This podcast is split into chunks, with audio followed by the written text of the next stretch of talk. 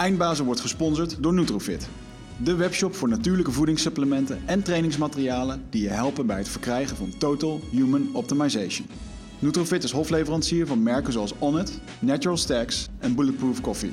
Probeer onze producten zonder risico door onze money back guarantee. Bezoek ons op www.nutrofit.nl. Bestel je voor 9 uur 's avonds, dan zorgen wij dat jouw bestelling de volgende dag geleverd wordt. Ik haal hem wel eens een shamaan naar Nederland toe en die... eh, hij heeft hem een keer aan de veeprijzen gezet, daar was hij goed van. Want wat ze daar doen, daar roken ze dus gewoon een plant. En die, is binnen, die laten ze niet zes weken groeien. Gewoon binnen drie weken eh, roken ze heel die plant op. Oké. En eh, ja, voor hen is dat... eh, iedereen doet dat. De man, de vrouwen, oude oma's, kinderen. Voelen ze er beter bij. vanaf zeven jaar. Ja. Ja. ja, voor verschillende ziektes en kwalen wordt het echt gezien. Het is de oudste plant die er is. Oké. In hun mythologie. Nou, daarmee zijn we wel een soort van begonnen, denk ik, hè? Welkom eh, mensen weer bij een eh, nieuwe aflevering. Eh, vandaag gaan we het uiteraard weer eens hebben over een van onze favoriete onderwerpen, drugs. Ehm, maar deze keer vanuit een, een constructievere invalshoek misschien wel. We wilden het eens gaan hebben over medicinale wiet. Uh, je ziet in, uh, in de wereld een boel ontwikkelingen als het gaat uh, om het gebruiken van cannabis. In de Verenigde Staten, Canada wordt het inmiddels allemaal gelegaliseerd. En je ziet dat de farmaceutische industrie er ook een, een aantal stappen in aan het maken is. Nou, in dat kader hebben wij vandaag een expert in de studio, Harm Hidde. Harm, Harm welkom. Hits, ja. Harm Hits, sorry. Ja. Um, welkom. Ja, dank je. En um, ik denk dat jij, als het gaat om medicinale cannabis, de onbetwiste eindbaas van Nederland bent. Noodgedwongen, weliswaar. Uh, want jij hebt een, uh, een flinke reis um, hierin nou ja, eigenlijk Ja. bewandeld. Ja, En- klopt. Eh, ik heb een, eh, een zoon met de ziekte van Crohn. Mhm. En die kreeg de diagnose in november 2011. En eh, ziekte van Crohn is een permanente ontsteking van je, van je darmkanaal. En hoe merk je dat? Nou, dat merk je bijvoorbeeld door 10 of 20 keer per dag eh, naar de wc eh, te moeten. Ja. Met urgentie. Dus je moet ook nog zorgen dat je er snel bent. En eh, secundair krijg je groeiachterstanden. En, en je voelt je zwak omdat je lichaam gewoon veel, veel te weinig voedingsstoffen opneemt. Door die Mhm. ontsteking en door die snelle passage. Nou, 2014 eh, was ik met hem op vakantie. In, eh, in Laaks in Zwitserland. Samen in één hotelkamer. En ja, kinderen hebben altijd de neiging om zich beter voor te doen dan dat ze echt zijn. Hè? Dus eh, hij wou nooit zo laten zien dat hij ziek was.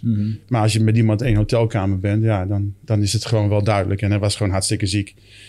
En eh, op een bepaald moment zei hij daar van... eh, nou, als het zo moet, hoeft het voor mij niet meer. Dat is gewoon echt, daar was ik klaar mee, zeg maar. En eh, nou ja, medicijnen werken niet. Dus en toen? Eh, onderzoek gedaan. En als je op internet zoekt, dan vind je al heel snel dat cannabis en kroon, dat is een successtory. dat is een van de dingen die gewoon heel erg goed, eh, heel erg goed werkt. Maar het is 2014. Eh, nu kan je overal CBD kopen. CBD-olie koop je bij het kruidvat en straks misschien bij de benzinepomp. Maar dat was toen nog helemaal niet zo. Dat was echt nog eh, lastig genoeg om te krijgen. En laat staan THC-olie. Dat was al helemaal moeilijk. Ja. Nou, dat was een van de pistes die we onderzochten. En ehm, wij woonden toen in Terneuzen. Dat was, ehm, dat was ooit de grootste koffieshop van Europa. Maar desalniettemin hadden wij helemaal geen, eh, geen binding met, met, met cannabis. Nooit recreatief gebruikt, nooit geweest. Hmm. Ik had nooit in mijn handen gehad. Ik wist niet wat het was. En uh, nou, wij wouden toch beginnen. Nou, in beginsel kom je dan uh, terecht toen bij de stichting Mediawiet. Dat ken je misschien wel. Bernard Bruining. Die had toen nog een winkel in Haarlem. En dan kon je gewoon naartoe. En dan kon je daar je spulletjes kopen. En dat heb ik toen ook gedaan. En dat werkte eigenlijk nou, vanaf, vanaf week 1, 2. je moest even de dosering zoeken. Ging je gewoon heel erg, heel erg vooruit. Mm.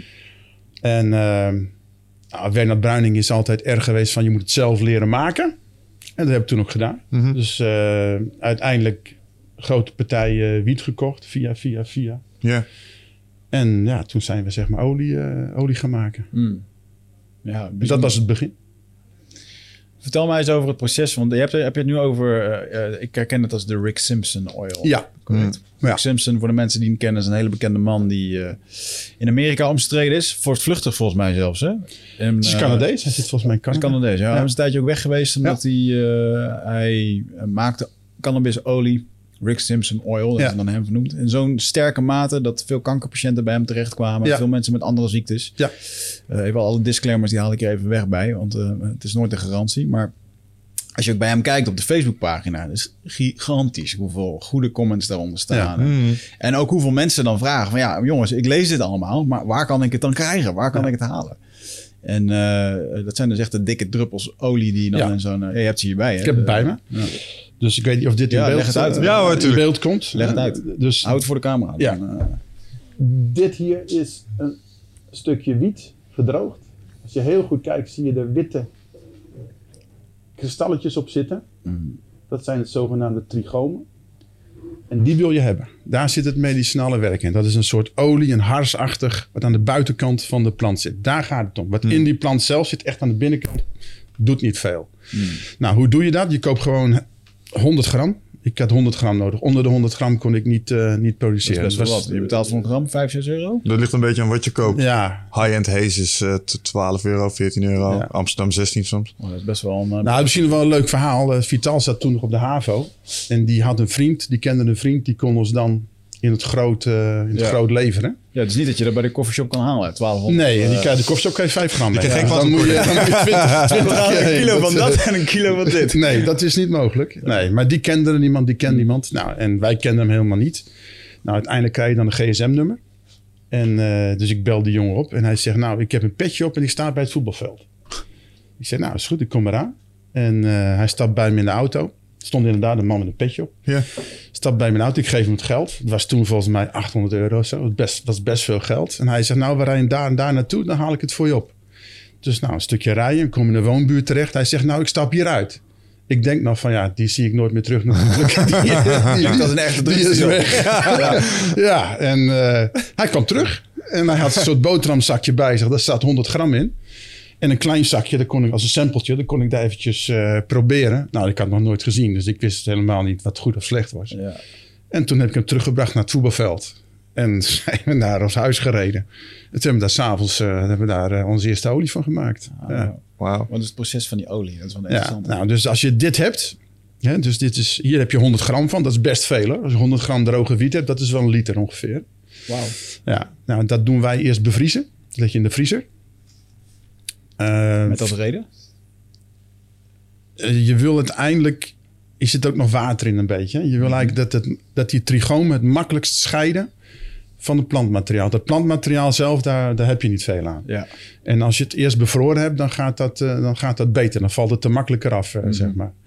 Nou, en dan heb je alcohol. Echt pure alcohol. Dus 96%. Puurder gaat niet. Dat bevries je ook. Dat, als je het onder nul doe je het. En dan is het nog steeds vloeibaar. Mhm. Mm -hmm. Kijk, water onder nul wordt ijs. Maar alcohol onder nul, dat blijft gewoon nog steeds vloeibaar. Mhm. Mm -hmm. okay. Nou, en dat stop je in, in, uh, in, een, in een fles. En dat, dat, dat noem je agiteren. Dat schud je heel erg hard. Drie minuten deden wij. En uh, daarna filter je het plantmateriaal eruit. En in die drie minuten is dat toplaagje, hè, waar het in zit, dat is in de alcohol gegaan. Ja. Dus dan heb je een liter alcohol heb je staan, zeg maar. Zoiets. Met daarin het werkzame bestanddeel. Nou, en dat wil je dan compacteren. Dat wil je, hè? Dus ja. dan ga je de alcohol ga je weg verdampen. verdampen. Rustig aan. Zeker op het laatst. Als je hè, te warm maakt, dan, uh, dan verbrandt het uiteindelijk. Dan heb je ook niks. Nou, ja. En daar komt uiteindelijk dan dit soort materiaal uit. Wat hierin zit, dat is Rick Simpson Oil. Ja. Hoe, hoe verdamp je deze, die... Uh... De luisteraars die het niet zien, we kijken nu naar een uh, zo'n grote injectienaald. Ja, en, ja zonder naald. Zonder, zonder naald spuit, dan, ja. spuit, waar dan inderdaad een bruine toplaag. Ja. Stroop is het eigenlijk. Hè? Ja. Ja. ja. dit is dus geen olie. Dit is niet druppelbaar. Dat, uh, dat gaat Lijm. niet. Dat is, ja, een soort teer is het in wezen. Hè? Die hars die aan die buitenkant hier zit, die zit nou in dit, in dit spuitje. Ja. ja. En dit is 70% puur, ja. deze. Ik heb dat wel eens uh, genomen omdat ik een vriendin had met een uh, spierziekte destijds. En dan konden we dit ook uh, via via krijgen. En eh, een rijstkorreltje werd geadviseerd. En ja. dat was echt genoeg om ja, heel high te worden. Oh, ja. kwamen we achteraf ja. achter. ja. In zijn algemeenheid geldt, hè, mensen praten vaak over percentages. Mhm. Mm. Van, hè, mensen, hè, 70% of 6%. Of dus je deelt het percentage door 2. En dat is het aantal milligrammen per druppel. Dus als dit 70 procent is. Mhm. Betekent dat, zou ik hier een druppel van kunnen maken? Wordt heel moeilijk, want het is je hars, dus het is moeilijk druppelbaar. Moet je het verwarmen en zo. Mhm. 70%, 35 milligram per druppel THC. Dus als jij over rijstkorrel praat, is al meer dan een druppel. Oh ja. En van 35 milligram word je echt betonstand. Ja, Als je dat correct inneemt, dan, eh, Ja. dan word je echt stand. dat, dat bleek inderdaad. ja. Maar het hielp me wel even terug naar de, de oorzaak. Het was voor mijn vriendin, die had een eh, spierziekte, myasthenia gravis, wat in je gezicht eh, vormt. Ook slecht slapen en eh, misschien ook wel nog nodig stress bij van de onderneming. En eh, ja, dan is het echt wel in één keer, als iemand weer fijn kan slapen. Ja. Alleen dat gegeven al. Het Rust, gaat niet de spierziekte weg of wat dan ook. Nee. Gewoon herstellen, Ja. slapen. doet zo ontzettend veel goed. Ja, Ja. nee, dat is, dat is, ja, klopt. Maar het hoeft natuurlijk niet per se met THC. Dat kan je ook wel met CBD achter. kan Ja, je dat ook eh, Ik bereiken. moet zeggen dat ik er toen nog niet zo in de materie zat. Ik ben Nee. gewoon naar de eerste beste eh, kans waar ik zoiets kon krijgen ben ik gegaan. Ja. En, eh, ja, eigenlijk rond die tijd begon het ook een beetje op te komen. Ja. Want nu eh, inderdaad bij de kruidvat kan je CBD-olie Ja. halen. Nou, dat is een ander verhaal. Hè. Hier zit, dit is een CBD-extract. Mhm. Ja? Ehm, er zit nauwelijks THC in. Dus dit kan je gewoon helemaal opslobberen als je dat wil. En het zal niet heel veel. eh, je wordt niet euforisch of zo. Er Ja. gebeurt, niet, gebeurt niet heel veel. Nou, hoe, hoe maak je dit? Mhm. In Nederland, elke cannabisplant, elke cannabisplant, die heeft THC en CBD. Ja. Je hebt er, die zijn zo gekweekt dat ze heel veel THC hebben en bijna geen CBD. Je hebt er ook, die hebben heel veel CBD en bijna geen THC. En alle tussenvormen. Nou, in Nederland mag je legaal als boer, mag je één soort cannabis verbouwen.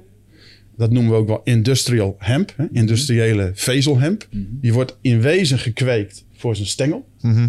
Die stengel wordt geoost en daar kan je draadjes van maken, kan je kleding van maken, isolatiemateriaal, een hele hoop dingen kan je ervan doen.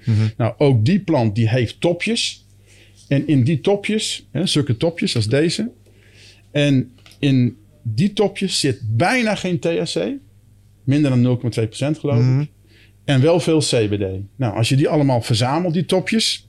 En daar maak je een extract van. Dan krijg je dit. Ja. En dat En doe je op hebben we dan zwarte manier? uitgehaald met een winterizing proces. Hoe Nee, dat kan je gewoon kopen. Dit hoef je zelf niet te doen in Nederland. Nee, oké. En, wat is, en wat is dat proces waar je het zojuist over had? Winter Ja, ja, je begint. Ja, dus dit, deze is gemaakt. hè, hoe krijg je van. ehm, dit was gemaakt met alcohol. Hè, Wassen in alcohol. En dan gaat het over in het alcohol. Je verdampt het alcohol weg. Nou, het is een langzaam proces. Het duurt echt uren. Is dat gewoon de dopper afhalen? Of moet je het ook verwarmen om het eh, te laten verdampen? Ja, ja, ja, je kan het koud en warm doen, maar warm gaat veel sneller. Ja, je kan het ook gewoon laten staan, maar wij, wij verdampen het dan weg. Op laatst hebben we daar ook apparaatjes voor, want heel het huis stonk naar de alcohol in het begin. Hè. Er wordt er met een rijstkoker gedaan. nou, En die damp is nog je- explosief en brandbaar allemaal ook. Oh, en zo. Dus ja, zeker. Dat gebeurt vreselijke ongelukken mee. Moet je Dus eigenlijk in de buitenlucht doen. hè? moet je in de buitenlucht doen of een, met, bij een, op laatst een gesloten systeempje met een filter erop. En eh, die alcohol werd teruggewonnen en zo. Dus dat ging allemaal wel. Ah, Maar het is gewoon een langdurig proces. Je Ja. doet er gewoon vier uur, ben je zomaar mee bezig. ja. En veel kan je niet doen. Nou, als je dus groter wil, het proces is veel te omslachtig om al die CBD-olie te maken die bij kruidvat ligt. Want even terug je had 800 gram gekocht. 100 gram. 100 gram gekocht. Hoe lang kon je daarmee vooruit voor iemand met een Nou, hij gebruikt het equivalent van 30 gram per jaar. Dus die 100 gram die was voor hem genoeg geweest voor, voor drie jaar. Oké, nou, dat Ja. is te overzien dan. Dat is heel goed te overzien. Dat, ja. dat is goedkoper. dan 800 spuit- gedeeld door 3 zijn dan je kosten. Dat is goedkoper dan een spuit cortisol. Ben ik helemaal met je eens. Ja. Ja, dat klopt. En de, de, de indruk bestaat vaak dat medicinale cannabisgebruikers... Hè, dat die heel veel nemen om stoned en zo te raken. Dan heb je veel meer nodig dan 30 gram. Maar dat is helemaal niet waar. En hij gebruikt gegarandeerd minder dan 1 gram per week. En pas op, dat gaat ook nog zeven dagen. En dan ook nog op vier momenten per dag. Ja, Dus wat hij gewoon per dosering neemt, dat is, dat is blips, dat is niks. wauw. En mensen denken vaak, hè, ook door die Rick Simpson methode, je moet heel veel nemen. En dat is, Hij is Dat is vaak niet van, waar. hè, volgens mij. ja, maar het gaat over de echte zware kankerpatiënten, volgens mij. Dat Ja. daar, eh, ja, dat is op zich, kijk, een van de dingen die wel zeker is, is dat THC, dat kan kankercellen aanzetten om zelfmoord te plegen. ja, Hè, Dat is wel bewezen. Dat is, dat, dat moet er gewoon wel, eh, dat is gewoon zo. ja. Er zijn natuurlijk andere stoffen ook die dat doen. Hè? Het is niet alleen eh, THC wat dat doet. De vraag is alleen, hoe krijg jij het op de juiste plaats? ja. Kijk, Rick Simpson zelf had eh, huidkanker. Kijk, dan snapt iedereen, als je dat hebt, hij had op zijn neus volgens mij, of onder zijn neus, dan smeer je dat een beetje op die neus en je slikt een beetje in. Ja, dan, dan lukt dat best wel. Hè? Dan komt dat best wel op de goede plaats.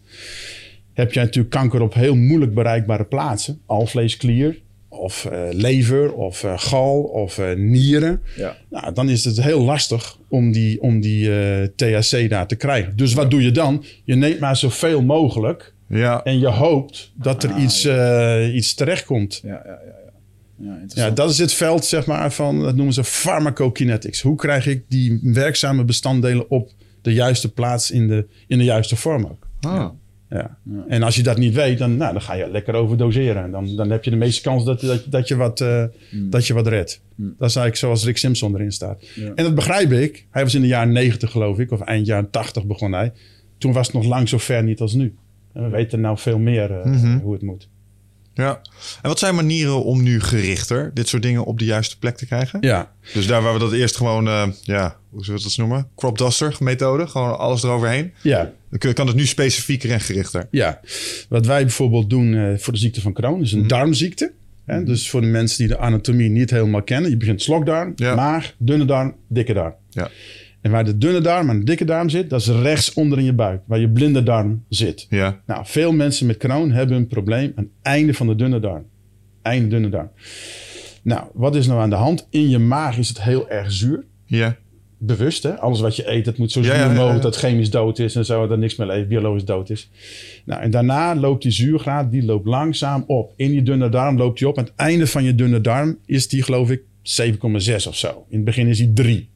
Nou, wij hebben capsules gemaakt. Zit hierin. Die passeert de maag. Ah. Die capsule hebben wij niet Ja. gemaakt, maar kijk, dat is deze. Dus wat doen wij? Wij stoppen de, deze capsule, die gaat door de maag heen. Ja. Die opent niet in de maag. Nee. En die opent ongeveer 1 meter voor die kroon hotspot. Waar jij zeg maar je problemen hebt. Die gaat daar open. Het is zo grappig als je over darmen praat dat je in termen van meters spreekt. Ja, nou, het, is een heel, het is een heel stuk. Volgens mij is het Ja. elkaar een meter of tien of zo waar, waar het over Ja. gaat. En dunne darm is verreweg het langste stuk. Ja. Nou, en dat laatste stukje van die dunne darm, dat kan toevallig ook nog goed olie opnemen. Dat, dat is daarvoor gereserveerd, zeg maar. Dus die, die, kan- die CBD-olie die wij daarin stoppen, en we doen nog wat andere dingen ook vaak, die komt op het juiste plekje terecht. En dan hoef je er ook veel minder van te nemen. Dan hoef ik niet die hele gram die Rick Simpson wilde eh, te nemen. Dan kan ik gewoon, hier stoppen wij 12 milligram in. Wat heel weinig is. Ja. Bijna niks. En kan dat omdat die capsules pas beginnen af te breken bij een bepaalde zuurtegraad? Dat, is, dat is het Ah. specifieke van deze capsule. Zou ik het in de maag doen? Ja, dan gaat het van de maag, komt het in de lever, gaat door heel je lichaam heen. Uiteindelijk ook wel op je plekje waar je het hebben wil. Ja. Dan heb je veel meer nodig voordat daar die 12 milligram komt. Dus wij Ja. zijn heel gericht bezig om, om, eh, om de CBD op de juiste plaats eh, te krijgen. Maar zal je doel zijn om de lever te re- bereiken, dan zou je ervoor kiezen om een capsule te nemen die in de maag Ja, oplost. Absoluut. Ah, slim. absoluut. Absoluut. ja, ja. En dan moet je ook nog kijken. Eh, wat is in die lever belangrijk? Kan die lever goed waterachtige dingen opnemen of juist olieachtige dingen? Als hij die olieachtige dingen gewoon gelijk doorstuurt, Ja. ja. dan gebeurt er niks. Ik zou zeggen, ik ben geen leverexpert, intuïtief zou ik zeggen, lever lijkt mij een hele waterige omgeving. Oké. Dan zou je dus die, die, die, die, die, die olies of die extracten, zou je eerst ja, water compatible. Hè? Dus niet echt wateroplosbaar, maar toch dat ze in een waterachtige omgeving zich beter eh, thuis voelen. Dan heb je meer kans dat het werkt. Hè? Ja. Dus dat, zijn, dat is natuurlijk het boeiende, vind ik, aan het medicinaal cannabis vaak. Je kan wel, eh, wel, eh, wel dit hebben, maar uiteindelijk gaat het erom... wat gaat het in je lichaam doen op de juiste plaats. Ja. Ja. En mensen voelen vaak aan, huiddingen, denken ze niet van... ik heb het aan mijn huid, ik ga mij iets inslikken. Nee, huiddingen, dan gaan ze gelijk denken ze van... ik ga het erop eh, smeren. Dan heb je het op het goede plaatsje gebracht. Ja. Heel, heel makkelijk. Maar mensen denken van alvleesklier, gal, lever. ik ga maar inslikken. Terwijl je dan ook nog juist heel, heel ge- geconcentreerd eh, je spulletje op de goede plek eh, kan proberen te brengen. Ja. Rectale toediening, ook een heel mooi voorbeeld. ja, dat snap ik. Als je aan de onderkant eh, van het systeem Ja. moet zijn, is dat de snelste weg natuurlijk. Ja. Wat is, medi wat is medicinaal nou eigenlijk het verschil tussen THC of CBD? Ja, nou, dus dan wordt het misschien een klein beetje technisch, maar ik ga het toch doen. Ik ga het heel, heel simpel eh Ja, hoor, nee. proberen te houden. Ga lekker de diepte in. Ja. nou, oké. dus helemaal vanaf in het begin. Iedereen die heeft in zichzelf een zogenaamd endocannabinoïde systeem. Endocannabinoïde. Endo wil zeggen zit in jezelf. Cannabinoïde wil zeggen cannabis. Iedereen maakt stiekem zelf cannabisachtige producten aan. Heel de dag. Iedereen. Ja, of je wilt of niet, maakt niet uit. Je maakt ze, je maakt ze gewoon aan. Twee hele grote, anandamide en 2AG. Dat zijn eigenlijk de twee grootste. Maakt iedereen aan, heel de dag. Nou, er zijn cellen in je lichaam. Die hebben receptoren.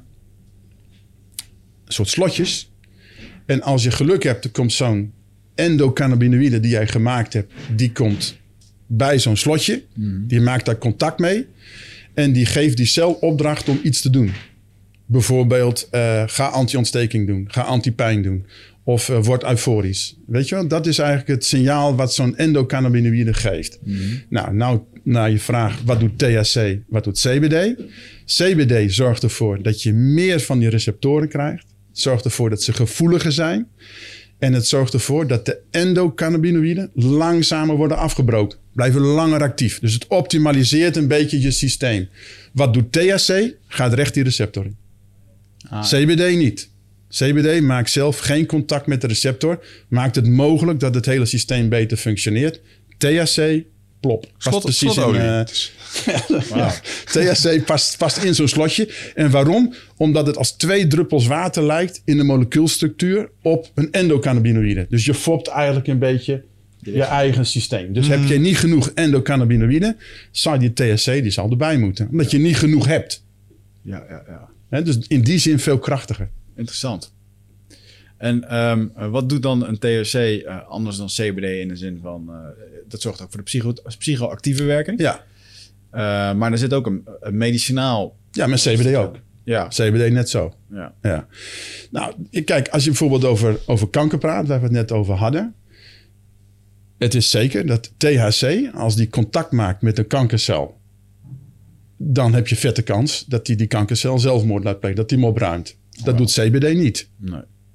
CBD maakt geen contact met dat, met dat slotje, met die receptor. Snap je? ik, Daar ja. heb je andere stoffen voor nodig. Maar wat ik denk dat zich het probeert te achterhalen Nee, is... nee, dit wat- is wel een beetje waar ik naartoe wil. Want, want stel nu bijvoorbeeld dat als ik een... eh, ik ben een eh, sporter.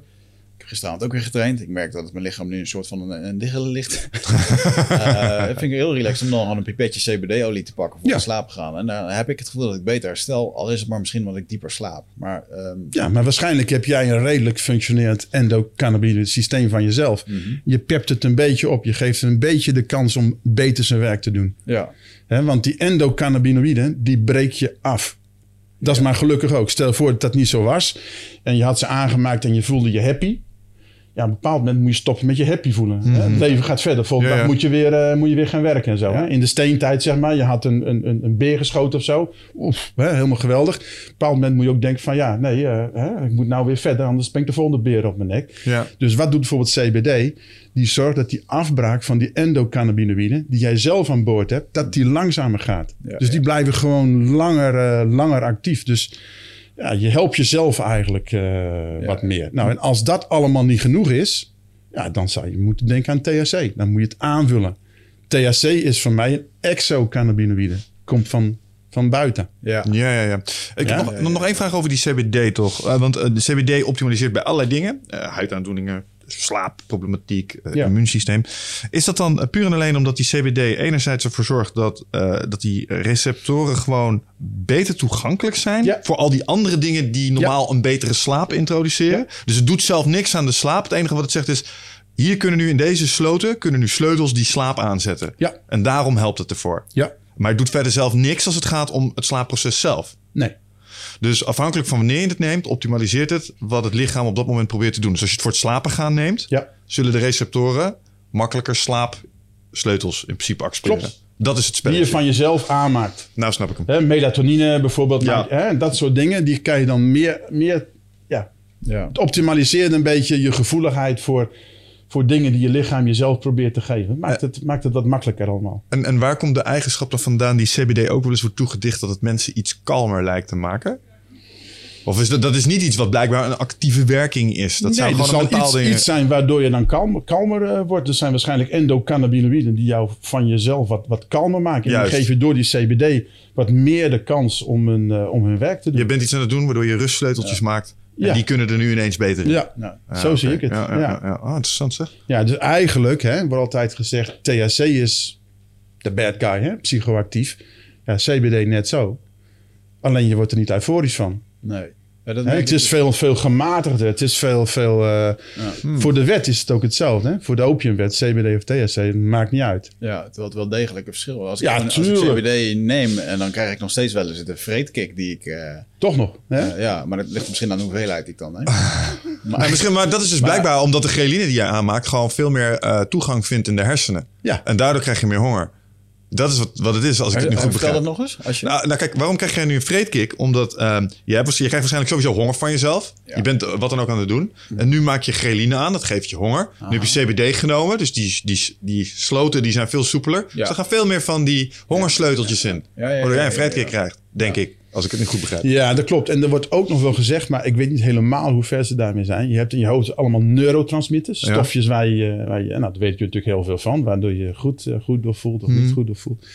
Nou, het schijnt dat, eh, dat het ook effect heeft op GABA, G-A-B-A. Ja, ja, ja. Ja, daar schijnt een relatie te zijn. Nou, en GABA, GABA, dat drukt heel erg je andere neurotransmitters. Dat je het niet zo hard eh, voelt, zeg maar. Ja. Nou, en dan schijnt het zo te zijn dat CBD, die maakt die werking van die GABA wat, wat minder. Ja, ja, ja. Dus jij geeft wat meer toe aan je, aan je gevoel van, hé, hey, ik heb honger. Dan geef je dan wat, eh, snap je? Dat is een beetje... Ik denk zeker dat het een grensvervager is. Ja. daaraan misschien. Ja. ja. ja. Dus je geeft Ah. wat meer toe aan de dingen die... je Ga maar die- als een soort wachter en die maakt het iets losser. Van, ja. Het komt wel goed, joh. Ja, maar misschien is het ook wel, daar- misschien is dat ook wel een beetje de, de ontspanner daarin. Ja. Dat word je denk ik dan ook. Je wordt wat minder gestrest en eh, ja. alles gaat wat rustiger en eh, ja, wat minder oplettend. Wordt GABA gegenereerd door het, door het lichaam onder stress? Want dan kan ik het me wel voorstellen. Als jij in een staat bent waarbij je hersenen zeggen... hey, alert zijn, eh, voel de honger maar even iets minder. En dat wordt zachter gezet. Dat is volgens mij wat er gebeurt dan. Dat zou zomaar kunnen, ja. Oké. Als je GABA, we hebben GABA-supplementen die Hmm. helpen met focus en concentratie en eh, alertheid. Ja, ik denk dat dat het is. Ja. Dat onderdrukt dus andere Ja, dingen. maar hoe sterk die relatie is met CBD, GABA, ik ben daar niet helemaal... eh, Er zijn wel mensen die dat allemaal zeggen, maar er wordt zoveel onderzocht aan het einde van de dag. En eh, zeker nu, hè. Ieder, alles is hot en iedereen die kijkt naar alles. Ja. Kan je alles bijhouden ook. Wat, wat zijn de grootste fabels in deze... eh, Van dit. ja, want er zijn, er zijn ik weet dat er, er wordt ontzettend veel geschreven en gedaan. Ja. En als je, de, als je op je Facebook feed kijkt, dan eh, lees je van monniken tot die de wiet aan het telen zijn tot en met eh, noem het allemaal op. Ja, Maar wat, wat zijn een beetje de dingen waar jij wel eens aan ergert? Wat, een beetje aan ergert, ja. Nou, ja, hele hoop. Hele hoop. Als je puur over het medicinaal praat, hè, het gaat altijd ook over terpenen. Hè. Terpenen zijn dan de geur- en, en smaakstoffen die, die, die in die wiet zitten. ja. Nou, en dan, wij hebben daar ook, ik denk zeker een jaar mee verloren. Hè. Begin, je begint in het begin vanuit de plant te redeneren. Hè. Je wil de perfecte plant hebben om kroon eh, aan te pakken, laten we het zo zeggen. Hè. Dus nou, ik ben nog maar geen tuinman, dus daar had ik op zich ook al, eh, al moeite mee. Maar die zegt, je moet, die terpeen moet er meer in. En die zegt, dat moet er meer in. Die zegt, dat moet er meer Aan het einde van de dag, als je kijkt in de doseringen waar, waar, waar hij over praat... doet dat eigenlijk helemaal niet zoveel toe. Het doet er pas toe als je gaat inhaleren. En we hebben hier twee verschillende eh, soortjes. Kan het, hè? De ene is, geloof ik, kush en de andere is een, is een hees soort. Als je die open doet, mensen kunnen niet ruiken... dan ruik je het verschil. Ja. Ik kan me voorstellen, als je het inhaleert... dat je dan het gebruik... dat je, dat, dat je het anders ervaart. Ja. Je hebt Coca-Cola en Pepsi-Cola. Voor mij is het al twee cola, maar er zijn toch mensen die dat, dat eruit eh, uithalen. Hè? Ja. Maar ga je er olie van maken en neem je die babydoseringen die nodig zijn, dan doet dat echt helemaal niks meer. Nee. En er waren mensen die hadden het over rectaal gebruik. Die wouden dan rectaal gebruik, eh, zetpillen bij mij bestellen met een bepaalde terpeen erin. Nou, daarvan onder doet dat, doet dat, doet dat echt niet veel meer. Zodat het op een bepaalde manier ruikt als je aan het toeteren bent. Die vind ik lekkerder. Oké. Ja, nee, dus dat vind ik echt... eh, en daar wordt dan een poeha over gemaakt. Daar heb ik me echt maatloos aan gestoord. Dus dat is eh, dan eh, ja, dat fameuze entourage-effect. Dus dat, alles wat in die cannabisstof, cannabisplant zit, is goed. Het is ook nooit slecht. Entourage-effect is altijd goed. Het versterkt elkaar altijd alleen maar. Niemand weet waarom. Maar het zou elkaar alleen maar eh, versterken. Ik denk, ja, waarom dan alleen maar versterken? Kan best wat in zitten wat het juist uh, niet doet, toch? Weet je toch niet? Speculatie. Dat is puur speculatief, geen enkel bewijs. Dus wij zijn toen daarmee gestopt en toen hebben we gedacht van ja, je kan beter kijken naar andere dingen die ook goed werken tegen de ziekte. En die meng je in je olie eh, meng je erbij. En bijvoorbeeld vitamine D, D3, een grote dosering. Nou, dat helpt veel beter als elk gezoek en gezanik over die, eh over die terpeen. Ja. In ons geval, hè? Ja. Nogmaals, als mensen willen roken, kan ik me heel goed voorstellen dat je een andere beleving hebt, een andere smaakbeleving hebt. Kan me heel goed voorstellen. Maar als je het over dit soort hoeveelheden hebt, capsules die in de dunne darm open gaan, nou, dat doen die terpenen er echt niet meer toe. Dat moet je echt vergeten. Er gebeurt niks meer. Ja. Dat is, dat is weg. Er zitten geen receptoren voor eh, allerlei, eh allerlei terpenen. Ja. Nou, dat is echt, eh, daar heb ik veel tijd mee verloren. Maar ook veel aan gestoord dat mensen dat allemaal vanuit die planthoek steeds maar weer promoten. Ik heb nou een plantje met nog meer dit en nog meer dat. Ja, ja, ja, Medicinaal doet dat niet zoveel. Hmm. Veel tijd mee verloren. Wat ik wel interessant vond om te horen, net als je het hebt over fabels, is dat ehm, er was natuurlijk altijd eh, al een, ehm, een sterk vermoeden dat het kankerbestrijdend was, zeg maar. Ik wil jou net heel straks zeggen, we weten gewoon TSC.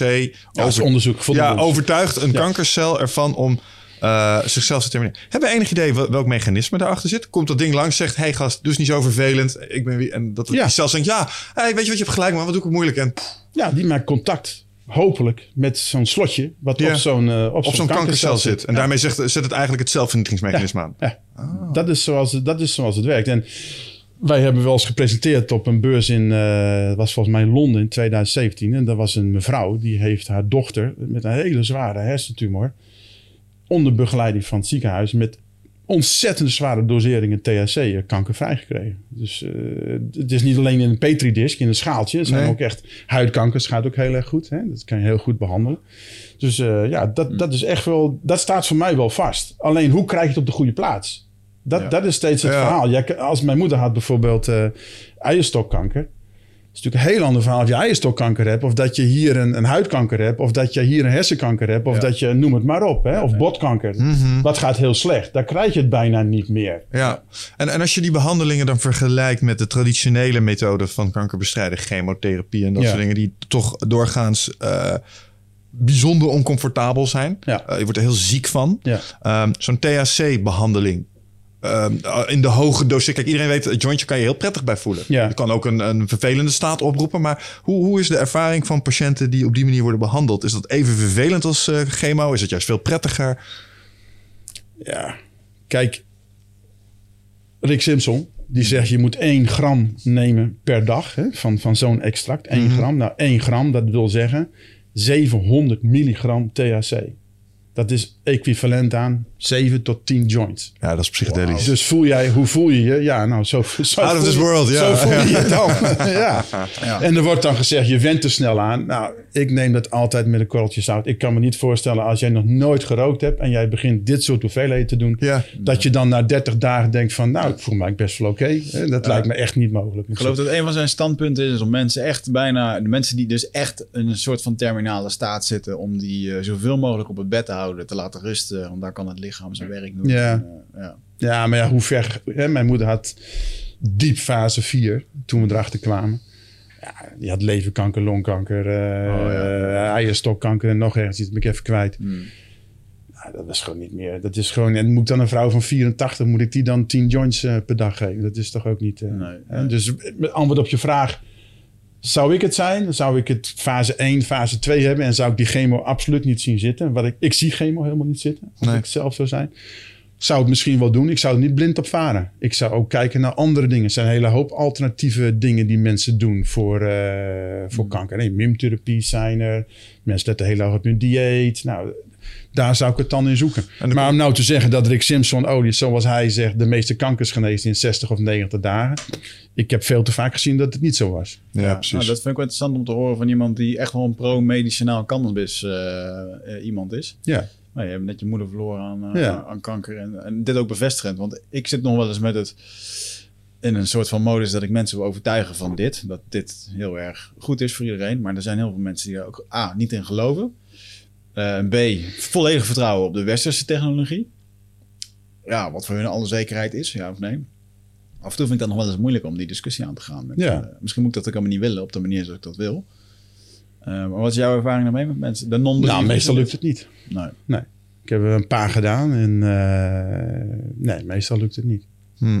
Zijn, dat ligt er ook aan hoe ver je al bent. Hè? Als je zeg overal een uitzaaiing hebt, dan Maar wordt je dat bedoelt, al meestal heel- lukt het niet meer om te genezen met Nee, puur alleen THC. nee, ja, ja, ja. Bij mij niet in elk geval. Nee. Misschien dat andere mensen het veel beter kunnen. Dat is allemaal goed mogelijk. Maar eh, wij hebben er echt wel gedaan. En Nou, het is niet gelukt. En wat vind je van de stelling die ik eh, heb eh, met het onderzoek wat ik heb gedaan? Heb, heb ik wel eens gezegd, ik hoop dat ik het nooit krijg. Eh, maar als bij mij iets geconstateerd zou zijn in een beginnende vorm, dan, eh, dan zou ik mijn gok hierop durven wagen.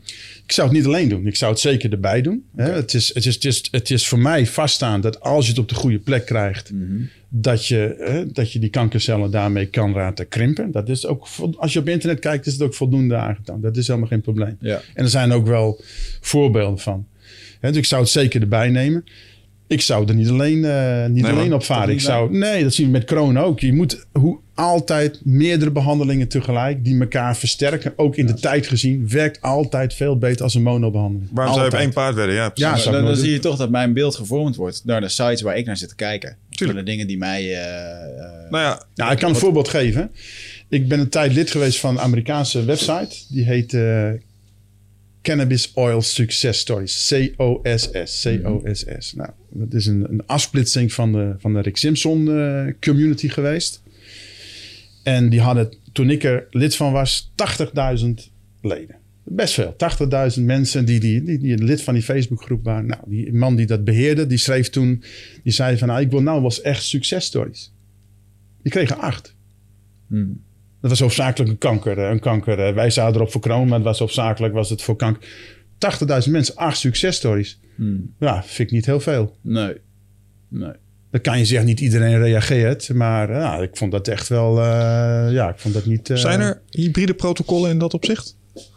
Ja, mensen zeggen vaak, hè, dat dat- je moet dan ehm eh, dieet. Hè? Mensen zeggen dan, je moet dan... eh, ja, eigenlijk komt het op neer veel verse dingen gaan eten en zo. Suiker eruit. Suiker eruit. Ja, dat is ook zo'n mythe, hè? dat je van suiker kanker krijgt. En dat, nou, voor- ja, nou, dat zijn allemaal van die dingen. Dus ja, dat gezond leven, je stress kwijt. Maar kijk, het einde van de dag, als jij een gezwel ergens hebt, ja, die zit er. En zoals alles in je lichaam, die wil groeien. Ja, ja, ja. En dat zal je iets moeten verzinnen om die groei eh, te stoppen of ja, het liefst terug te dringen. Mhm. Nou, dat gaat volgens mij wortelsalade ook niet voor je doen. Nee. Echt, dus je moet dan toch, ja, dan moet je zoeken. THC, krijg het op de goede. Ik heb een mooi voorbeeld. Ik ken iemand die heeft blaaskanker. Hm. Oké? Nou, en die is panisch van alles wat westerse medicatie is. Die ziet dat niet zitten. Nou, dus wat heeft hij eh, zelf bij elkaar geknutseld? Die doet een buisje door zijn apparaat. Schuift hij helemaal door in die blaas. Dat klinkt verantwoord. Ja, dat gebeurt allemaal. Ja.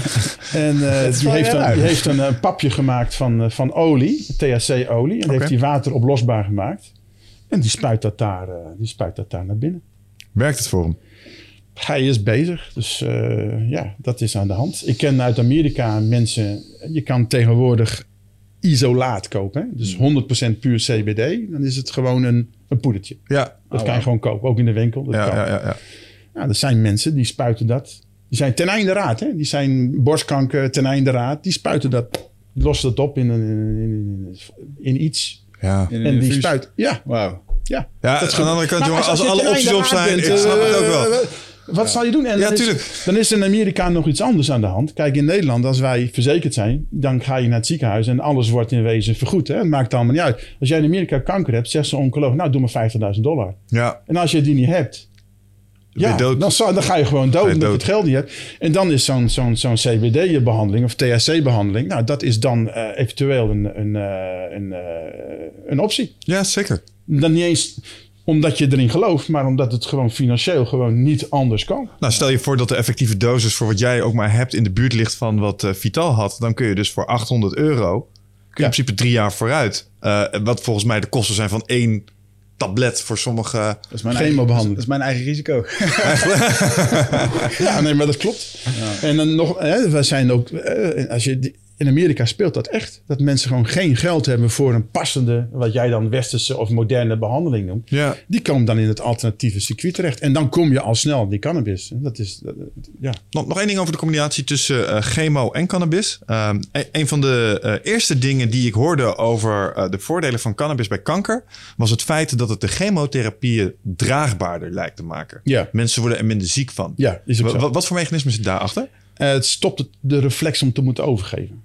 Oh. Omdat het hele systeem, zeg maar, wat, wat, wat kalmeert. Dat is ook een van de redenen dat het goed werkt bij Crohn. Zeg maar, heel die bewegelijkheid, dynamiek van je maag-darmkanaal, Ja. die legt die wat wat kalmer, zeg maar. Hè? Dat je die, die, die braakreflex, want daar heb jij het in wezen over. Ja. Dat je die niet meer zo erg hebt. Oh. Dat heb ik bij mijn moeder ook gezien. Ja, Dus eh, ja, dus dat is ook zo. Dat werkt ook echt. wel. dat maakt het de, de kwaliteit van het leven wel iets ja, beter. en je voelt je ook wat beter. Hè? Dus, en het, als je echt pijn hebt, hè, het is dan niet zo erg dat je aan de morfine zit, maar je voelt toch, je voelt je niet fijn. Dan, Ja. dan kan je dat met zo'n, met zo'n beetje THC, kan je dat wel, eh, ja, je voelt je gewoon Ja. prettiger. Gewoon iets verbeteren. dan, Ja. dan heb je het over chemo. Maar dat zijn dan in doseringen. Dan moet je echt totaal vergeten dat dat enige remming heeft op de groei van de tumoren zelf. Dat moet je echt. Daar moet je niet mee bezig zijn. Nee, dat is niet je praat doel over dan. hele andere Nee. dingen. Dit is echt in combinatie met om de chemo draagbaarder te maken. Ja. Ja. En is het ook voor bestraling? Bestralingspijn, jazeker. Ja. Ook. Het was ook een van de weinige dingen waar in Nederland artsen THC olie voor voorschreven. En waar het ook voor verzekerd was. Ah, Oké. Dat was is in ja, het is 2017 is dat gestopt. Niet- 2007. dus dat is twee- Januari 2017. Ja. Wauw, ik wist niet eens dat dat... Ik zou eerder denken dat het andersom was. Ja. ja, dat was ook Dat nog- geweest, maar dat is niet gebeurd. Oh, nee. Ja. Nog een mythe, even leuk, ook wel een leuk verhaal. Dus eh voor mij hadden we Schippers als eh, minister van Volksgezondheid in die tijd. Ja, mevrouw Femke Schippers. Ja, nou, die zei dat het, eh, het allemaal niet werkte en het was niet onderzocht en het ging allemaal niet en het was allemaal niks en allemaal illusie en camouflage, hè, dat wordt altijd gebruikt dat woord. En in de tussentijd gaf zo'n Bedrocan, onze home grower, staats, hè, staatstoezicht eh, mag die verbouwen, een exportlicentie om 700 kilo wiet te verkopen naar Duitsland. Nou moet je me dat eens uitleggen. Dus in Nederland zeg je van, nou mensen, begin er maar niet aan, want eh, het doet allemaal niks, is allemaal eh, Ja. illusie. En dan geef je aan de andere kant een, een, een echt bedrijf, Ja. Bedrocan, die geef je een exportlicentie om 700 kilo plantmateriaal naar Duitsland te verschepen. Nou, daar kan ik, daar kan ik dan niet bij. Dat is Nederlandse handelsgeest voor je. Ja, ja. Wat doet, wat doet Bedrocan in de zin van... eh, het is een bedrijf dat mag cannabis maken? verbouwen, ja zeker. Verbouwen. Ja, zeker. Al jaren. Hè, Nederland heeft ooit gezegd, we gaan, eh, we willen eh medicinale cannabis eh, willen we, hè, beschikbaar maken. Die minister van, hoe heet ze? Borst heeft dat volgens mij bedacht. In die tijd speelde dat al. Nou, toen heeft de Nederlandse staat een soort wedstrijd uitgeschreven, tender uitgeschreven. Mocht je op inschrijven. Hè, en dat heeft Bedrocan gewonnen. En die doen dat hartstikke goed. Die, die kweken indoor. Onder exact dezelfde luchtvochtigheid, exact dezelfde temperatuur, exact dezelfde lichtcirculatie. Dus wat Bedrocan nu produceert, is precies hetzelfde als wat ze over een jaar gaan is produceren. Als wat ze. Ja. Nou, als je over pharma praat, is dat essentieel natuurlijk. hè. Zo zitten artsen in elkaar, die willen precies weten wat erin zit. En, eh, Ja.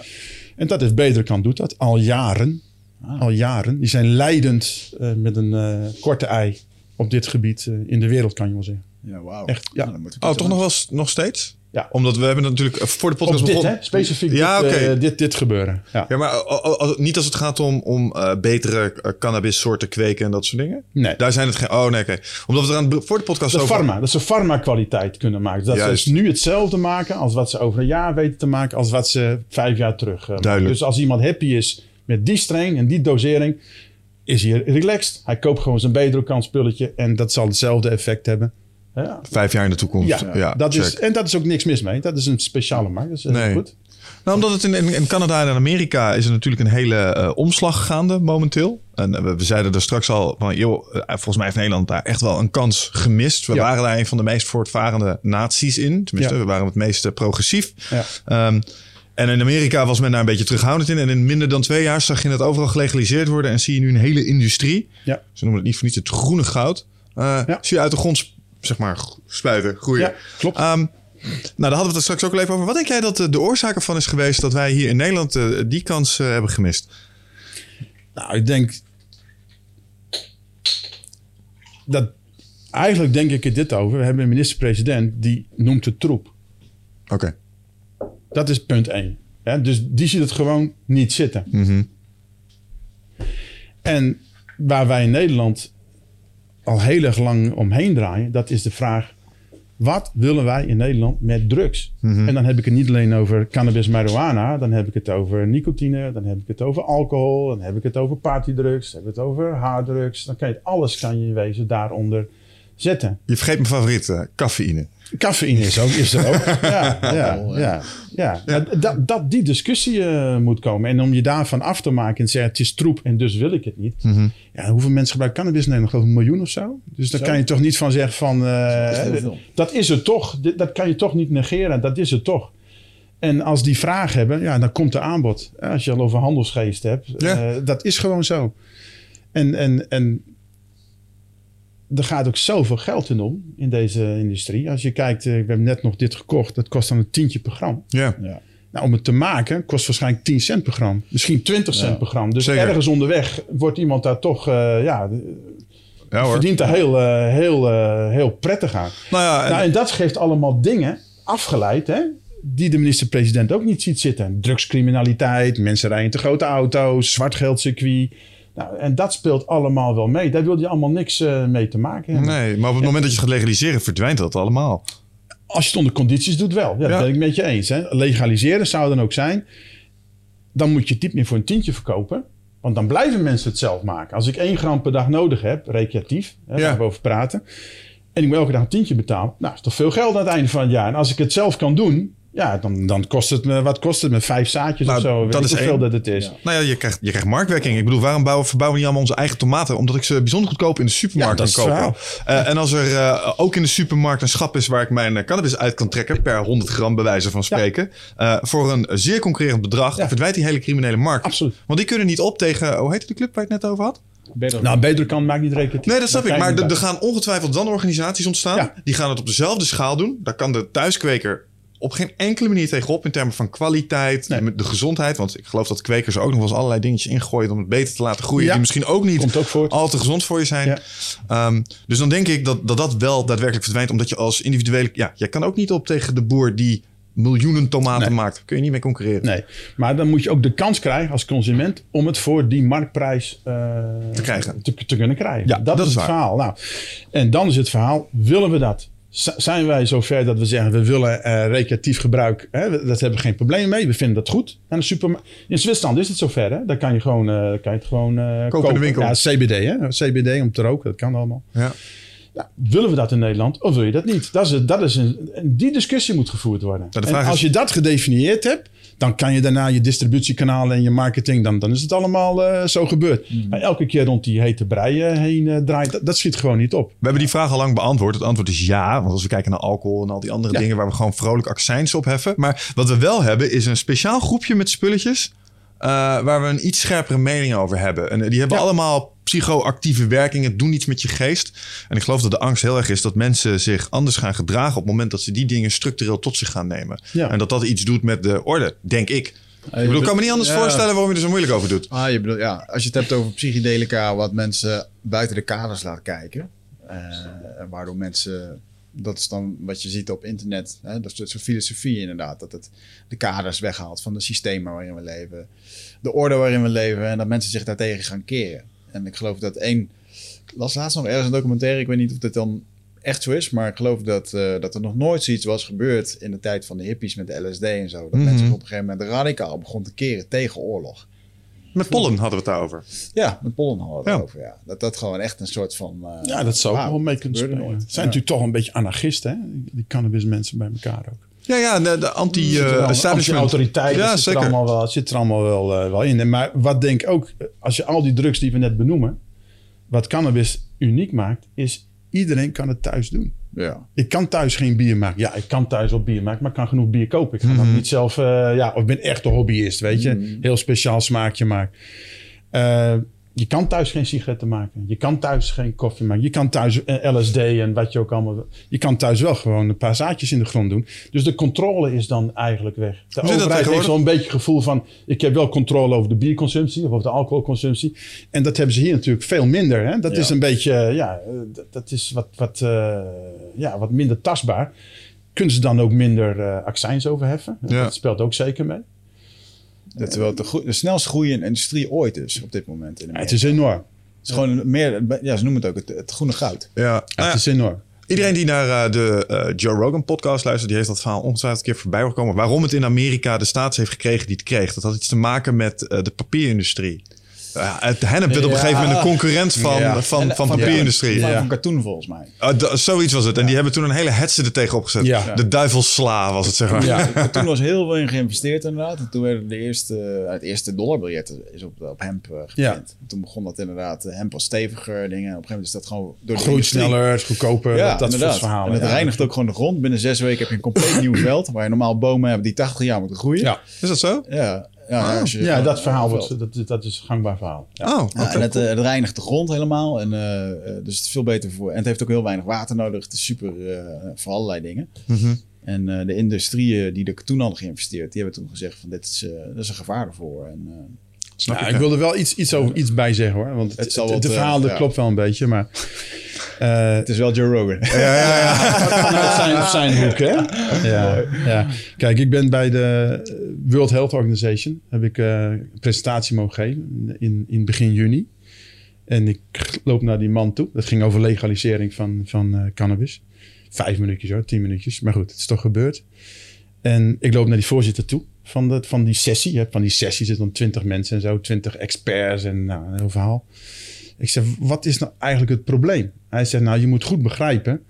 Wij zijn er niet alleen voor de mensen die baat hebben bij medicinale cannabis. Wij zijn er voor alle mensen. Ook voor de mensen die nu nog geen cannabis gebruiken. Ja. Kijk, als je overal zegt, geef die hennep maar vrij.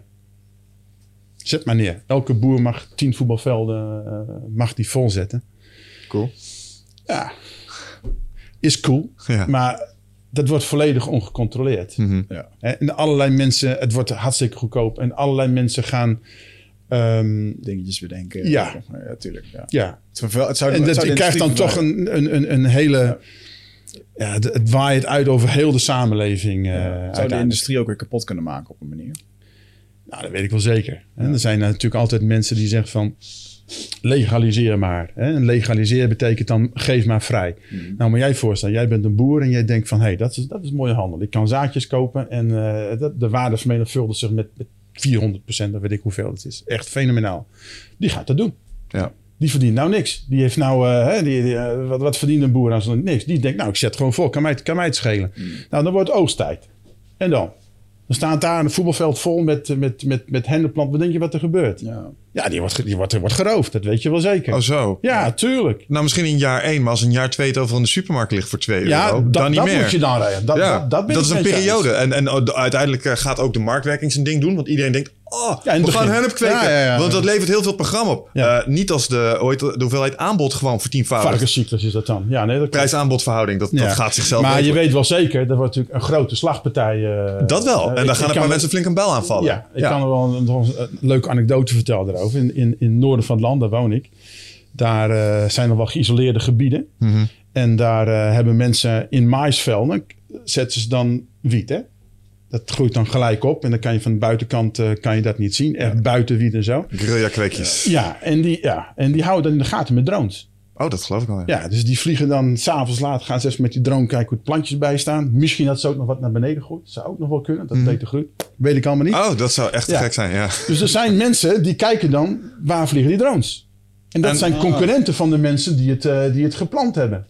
En die hebben hun eigen drones. Die gaan de dag erop gaan ze kijken of het al Dat is oogst eh, rijp is. Wat slim. En dat gebeurt. Ja. Ik ken iemand die heeft een heel groot eh, bos in, in Os toevallig. Die woont daar mooi en die moet dus ook dat bos beheren. En zijn neefje die had op een gegeven moment twee verdachte mannen door het bos zien wandelen. En eh, die was dus aan het spelen bij een maisveld wat daar langs lag. En die zag die mannen in dat maisveld lopen. En die is ze gevolgd. Gewoon een mannetje van achter. Ja, Die had ook gewoon een eh, plantage gevonden. Er zaten twee gasten in een auto te slapen. Die hielden daar een soort van wacht. Ja. En Toen, eh, toen heeft, heeft de kleine heeft toen, eh, ja, ze hebben toen de politie gebeld. Toen heeft de kleine, eh, die mocht eh, door dat maisveld eh, met de politie, met sirenes. Omdat naar dat ja, veld. ja, ja, ja, ja. ja. Als beloning mocht hij dat Ja. eh, doen. Jezus. Nou, dat wil ik er nog wel even bij zeggen. Krijg nou niet het, als je hier naar luistert, het heldere idee om in eh, Noord-Groningen naar wietvelden te gaan zoeken. Als dat soort mannen je vinden, dat nemen ze je niet Ja, een dank dat af. echt- als je daar je kofferbak mee staat te vullen. Ja, Ja, ja, ja, dat, is echt, dat is echt hard. echt hard. Het zijn gewoon criminelen, dus Ja, die gaan je pijn doen als je dat doet. Ja, die kijkt naar niks. Nee. Bizar. Dus dat, dat soort dingen gebeuren. Dus als je het vrijgeeft, kan je allerlei van dat soort in- incidenten eh, ga je krijgen. Hè, en moet je nagaan, dan heeft die boer dat geoogst, heeft het nog gedroogd. Ook nog een hele hobby. Hè? Het moet droog. Je Mm. Ja, ja. lang laten liggen, dan gaat het ook niet. Heeft het allemaal voor elkaar, heeft het gedroogd. En, en dan, dan komt er een Duitser langs en die zegt, nou, doe mijn kofferbak maar vol. Ja. Eh, Dat kan toch helemaal niet? Hoe wou je dat, wou je dat Nou ja, doen? ik denk dat heel eerlijk gezegd, dat is misschien ook nog wel een van de belangrijkste redenen waarom we daar ook wel een klein beetje op zitten. Eh we zitten in een Europese Unie en we weten Ja. dat we buurlanden hebben die daar heel anders tegen aankijken. Frankrijk vindt ons niet leuk. Nee. Nee, nee, nee, zeker wel. Dat klopt wel. Ja. Dus Maar- dat, dat moet hij eerst beantwoorden. Hij moet zeggen, wil ik het in Nederland? Ja. En hoe pas ik het in in Europa? Nou, en dan heb je volgens mij een visie. En dan kan je zeggen, oké, en zo ga ik het doen. En dat zijn de vragen die hij moet beantwoorden. En niet dat eh, nou weer zo'n experimentje... waar niemand beter van wordt, behalve de coffeeshop. Die kan nou straks wit eh, zijn dingetje doen. Voor de rest, het wordt allemaal alleen maar duurder. Wordt alleen maar meer beperkt. En ja, alleen die coffeeshop is nou legaal straks. Die kan legaal inkopen en legaal eh, verkopen. Consument schiet die er iets mee op? Nee, helemaal niet. Is, het- is het zo dat de coffeeshop straks legaal kan inkopen? Nou, in die steden waar die experimenten gaan, ja. Er worden gewoon een aantal growers aangewezen. En die mogen dan aan de coffeeshop zoveel eh, leveren. Dus dat zal wel met een, eh, met een factuur gaan, denk ik. Ja. Ja, maar als die dat kunstmatig in stand houden, dan krijg je weer wat anders. Dat heet kartelvorming en daar hebben we ook wetten voor. ja, nee, dat gaat zeker gebeuren. Maar dat, dat, dat is dus het hele ding. Ik denk dat dat een, een jaar of twee, drie, vier geeft dat wat zorgen. 100%. Tegelijkertijd geloof ik wel echt dat het, dat het slimmer is om te doen. Want die clubs die gaan groeien, die kun je wel controleren. We hadden het daar straks bijvoorbeeld over. Hey, als je het spel echt op zijn meest goede manier wil inzetten. ehm, dan wil je het liefst dat dat gegrown wordt door plekken waar regelmatig wordt gekeken naar de kwaliteit. Ja. Wat mieteren ze erbij in? Ja. Eh, snap je? Zodat, Ja, zodat dat er ook niks in Ja, zit wat eigenlijk niet altijd best voor je is. laboratorium testen. We hebben, we hebben een goede relatie met de voeding eh, en warenautoriteit. Eh, die, vertelden ons toevallig dat ze op dit moment echt een, een jacht maken op CBD-olie uit China. Dat zal wel. Omdat troep daar in eh, zit, troep ja. in zit en eh, mensen gewoon geen idee hebben wat ze kopen. Nee. Dus eh, daar de juiste certificaten voor. En eh, ja, Ja, dat is behoorlijk aangedraaid. Sinds eh, 2018 is de controle een stuk, eh, stuk, eh, stuk scherper. ja. En dat is ook goed. Dat is ook helemaal geen, geen probleem. Je kan ook genoeg goed spul kopen. En Ja. het is ook helemaal niet duur. Dus daar hoef je ook niet eens voor naar China. Het is in Nederland goedkoop genoeg. ja. En je kan hier, eh, nou dan niet made in Holland, maar in Duitsland, het spul kan je gewoon... eh, hier in Nederland mag het helemaal niet meer, hè? Dus in Nederland, wat we zo pas hadden gezegd, die, die vezelhennep die overal op het land staat. Ja. Waar in die topjes nog een beetje CBD zit.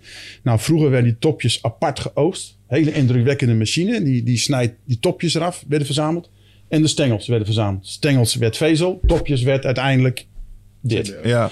Mag niet meer in Nederland. Dus nou moeten de boeren, die moeten die topjes erop laten zitten. En die gaan dus mee om vezels te maken. Ja. Mag niet meer in Nederland. Sinds dit jaar, of sinds vorig jaar geloof ik. Tweede jaar dat het niet meer mag. Dus al die CBD-olie die hier te koop is bij het kruidvat... is niet gemaakt, komt uit Duitsland of Scandinavië. Waar Zou gewoon in Nederland gemaakt kunnen worden. Zou in Nederland perfect gemaakt kunnen worden. Zou helemaal kunnen. Zou je leidend mee kunnen worden. Ik voel toch altijd enige frustratie als ik dit soort dingen hoor. Ja, dat denk je. Ja. Ja, gelukkig heb je genoeg THC en CBD om die stress een beetje te counteren. ja, maar ook zo zinloos. Hè, Ja. Als je nou zegt van ik wil, dat, eh, ik wil dat die topjes in Nederland niet geoost worden, omdat ik niet wil dat de CBD-olie verkocht wordt. Oké, kan. maar je zet de deur wel open voor de import. En boeren die hier staan, die beperk je in hun, eh, in hun bedrijfsvoering. Nou, dat Wat ik, ik niet. wat ik zo raar is dat het het enige product is, volgens mij de enige plant die zonder nabewerking, zeg maar, waarvan de directe consumptie op zo'n manier een band is. Bijvoorbeeld iets als heroïne. De, de papavervelden, je mag gewoon papaver bouwen als je het bewerkingsproces daarna maar niet doet. Snap je wat ik bedoel? Ja. Ja. En dit, dit ding wordt- groeit gewoon zo in moeder natuur. Net zo zijn als je hem zegt, hey, appels? Ah, ah, geen appels voor jou, er zit vitamine C in. Ja. Ja, Het, is, het, is, eh, het is een beetje. Je hebt altijd te maken met de opiumwetgeving aan de ene kant. En je hebt te maken met zeg maar, de voeding- en warenautoriteit. Dat zijn eigenlijk de twee dingen waar je altijd een beetje. Hè, die opiummensen zeggen van mag helemaal niks. En de voeding en waren die zegt nou, dat mag wel, mits. Er mag niet te veel THC in, er mag niet te veel pax in en dat soort dingen. Ja. Nou, en dat kan. Kun, kun je iets meer vertellen over hoe dat momenteel in Amerika en eh, Canada gaat? Ja. Dat is allemaal flink in eh, beweging natuurlijk. Wat gebeurt daar? Ja, nou in Canada weet ik het beste. Oké, ja. Daar zijn we, ben ik vlak voor de kerst nog net, eh, net geweest. Cannabis Canada. Ja. Ja, dus eh, in de eerste plaats moet je weten, eh, Canada is een groot land, weinig inwoners. 40 Ja. miljoen inwoners. Dus dat is niet echt heel veel, wel een heel groot land. En ehm, ja, nou, daar zie je dat je moet licensed producer zijn. LP, LP noemen ze dat, licensed producer. Als je een licensed producer bent, dan mag je eigenlijk alles verbouwen. Je moet wel heel goed je boeken bijhouden. Het gaat Oké. zelfs zo ver dat als er bij jou mensen hebben vroeger nog buiten verbouwd, waar de plantjes van je gestolen s'nachts, dan moest je dat aangeven. Mm, mm. En de politie gaan en zeggen, nou, vandaag zijn weer vijf planten van, eh, van me gestolen. Nou, Ja. allemaal niet houdbaar. Dus uiteindelijk wordt het dan allemaal binnen, of wel geval hè, in kassen en zo. Daar komt het dan uiteindelijk eh, terecht. Ja.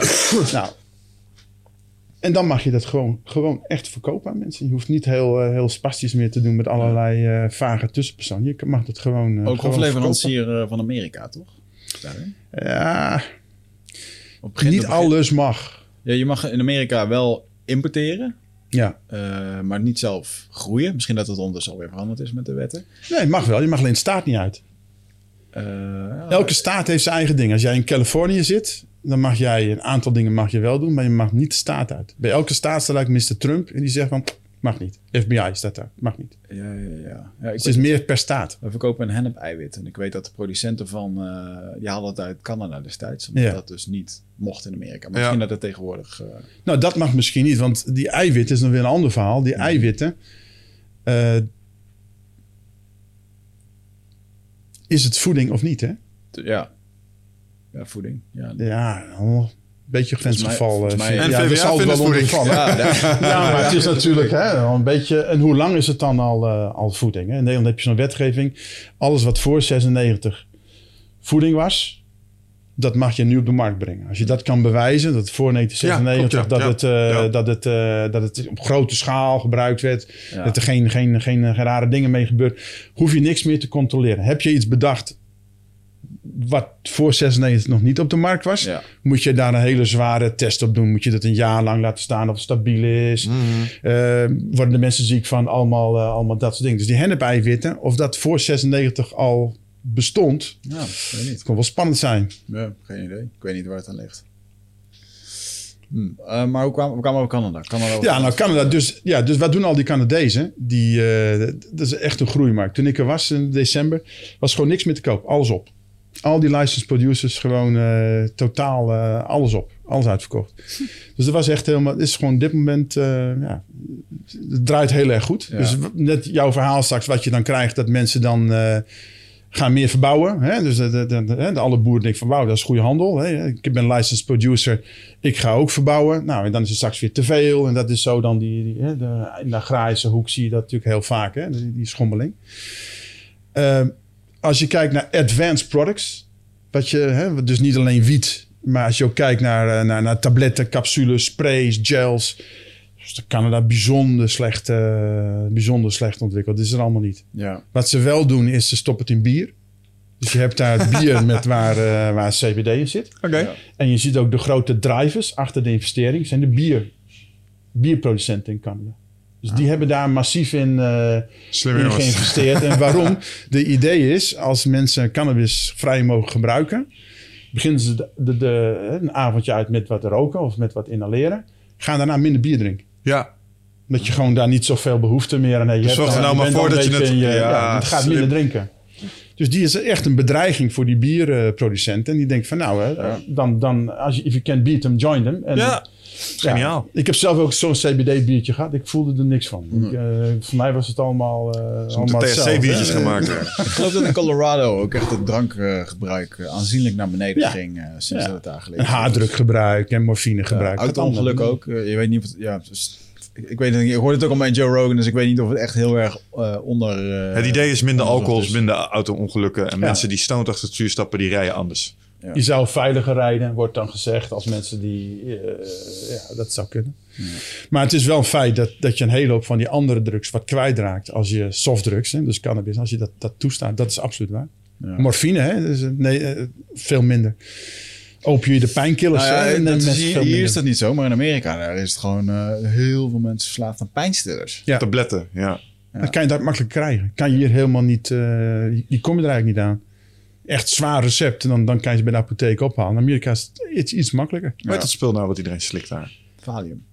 Valium, ja? Ah, Xanax en Ja? Xanax. Ja, wat is dat? Voor paniekaanvallen en zo. Ja. Zijn, zijn Xanax Ja, dat is volgens pijnstillers? mij een tranquilizer. Nee, Ja, tranquilizer. ja. Maar je hebt inderdaad valium, wat je gewoon verdooft. En, eh, Ja, een van die dingen moet je, met, ja, moet je combineren met alcohol en waar je ook super high van schijnt. Fentanyl, anders? Dat misbruiken ze op die manier. Ja. Ja. Nou, oké, duidelijk. Maar heel veel tabletten inderdaad. En stoppen is echt fucking moeilijk. Want ze geven je het voor, oh, schouderblessure? Ja. Hier zo. En, Zwaar eh, verslaafd. ja, Zwaar Zwaar Ja, verslaafd. ja. Zwaar verslaafd. En mensen voelen zich helemaal niet goed bij vaak ook. En toch voelen ze met een beetje THC, CBD, voelen ze zich veel, eh, veel prettiger. Ja. Kunnen we daar eens wat van vinden? Ehm, eh, als, je, als je een beetje in de stonerhoek van het internet komt, dan kom je al eh, snel ook op termen als Big Pharma.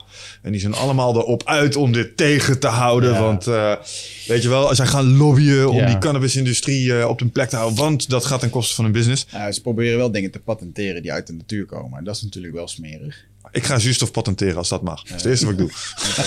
ja, maar dan is het hetzelfde als die dude die eh, vorig jaar eh, dacht die pillen voor AIDS-patiënten of HIV-patiënten had gekocht. Oh, die had die Van van 7 zoveel- dollar, 700 ja, dollar zo. die zo prijs ging het van verhaal. 13 naar 700 dollar. Ja. Die dude moet echt branden in de hel. Dat was echt? Die- evil. Die, die zit inmiddels in de gevangenis. Dus- ja, dat snap ik, dat ja. Volkomen terecht. Ah, Voor iets anders, niet voor dit, maar die hebben ze dan toch op een bepaald moment ook in Amerika hebben ze die. eh, Ja, dan gaan ze wel zoeken om je te pakken. ja, dan Vinden ze, en dan vinden ze ook iets. Dat Ja, is, ja, eh, dat is wel. Ja, die zit. Die ah, zit. dat is die wel zit.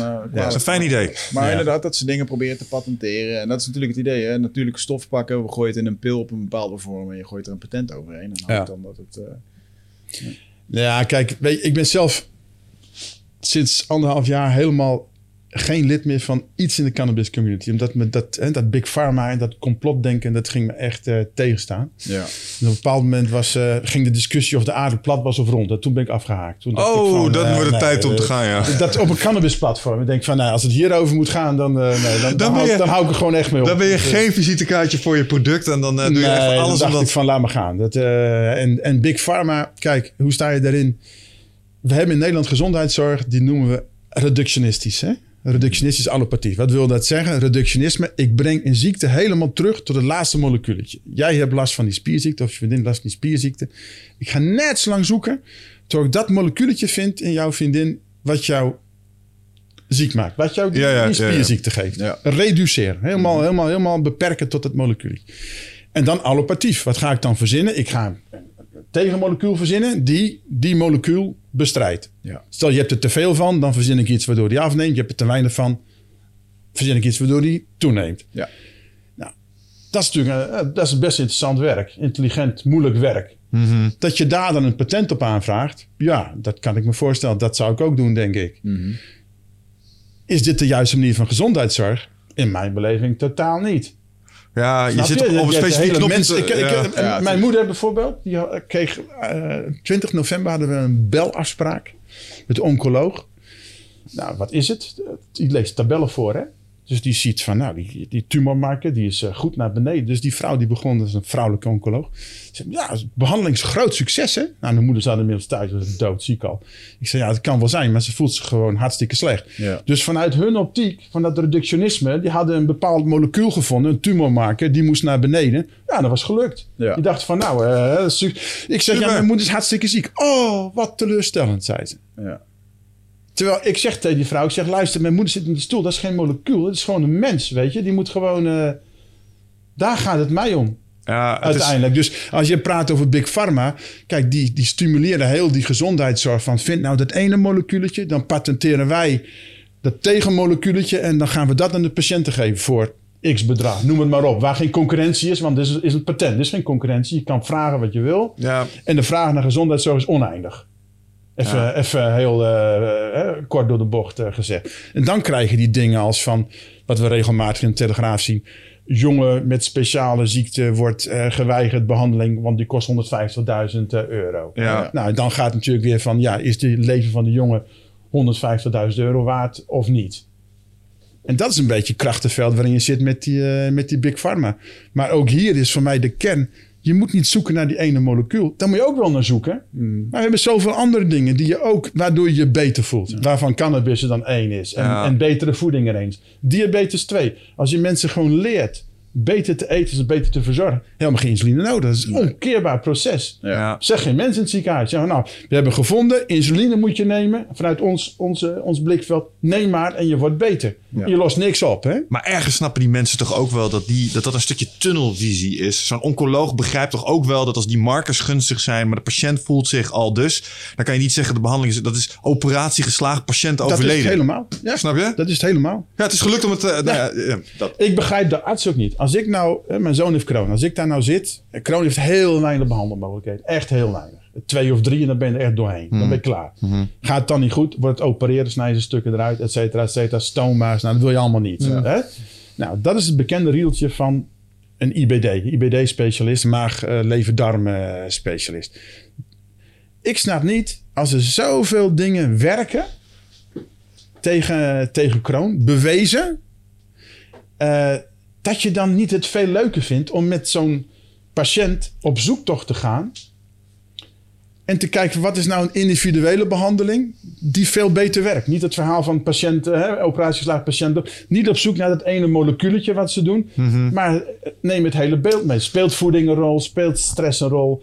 Uh, cannabis, een heel goed product is low-dose naltrexone.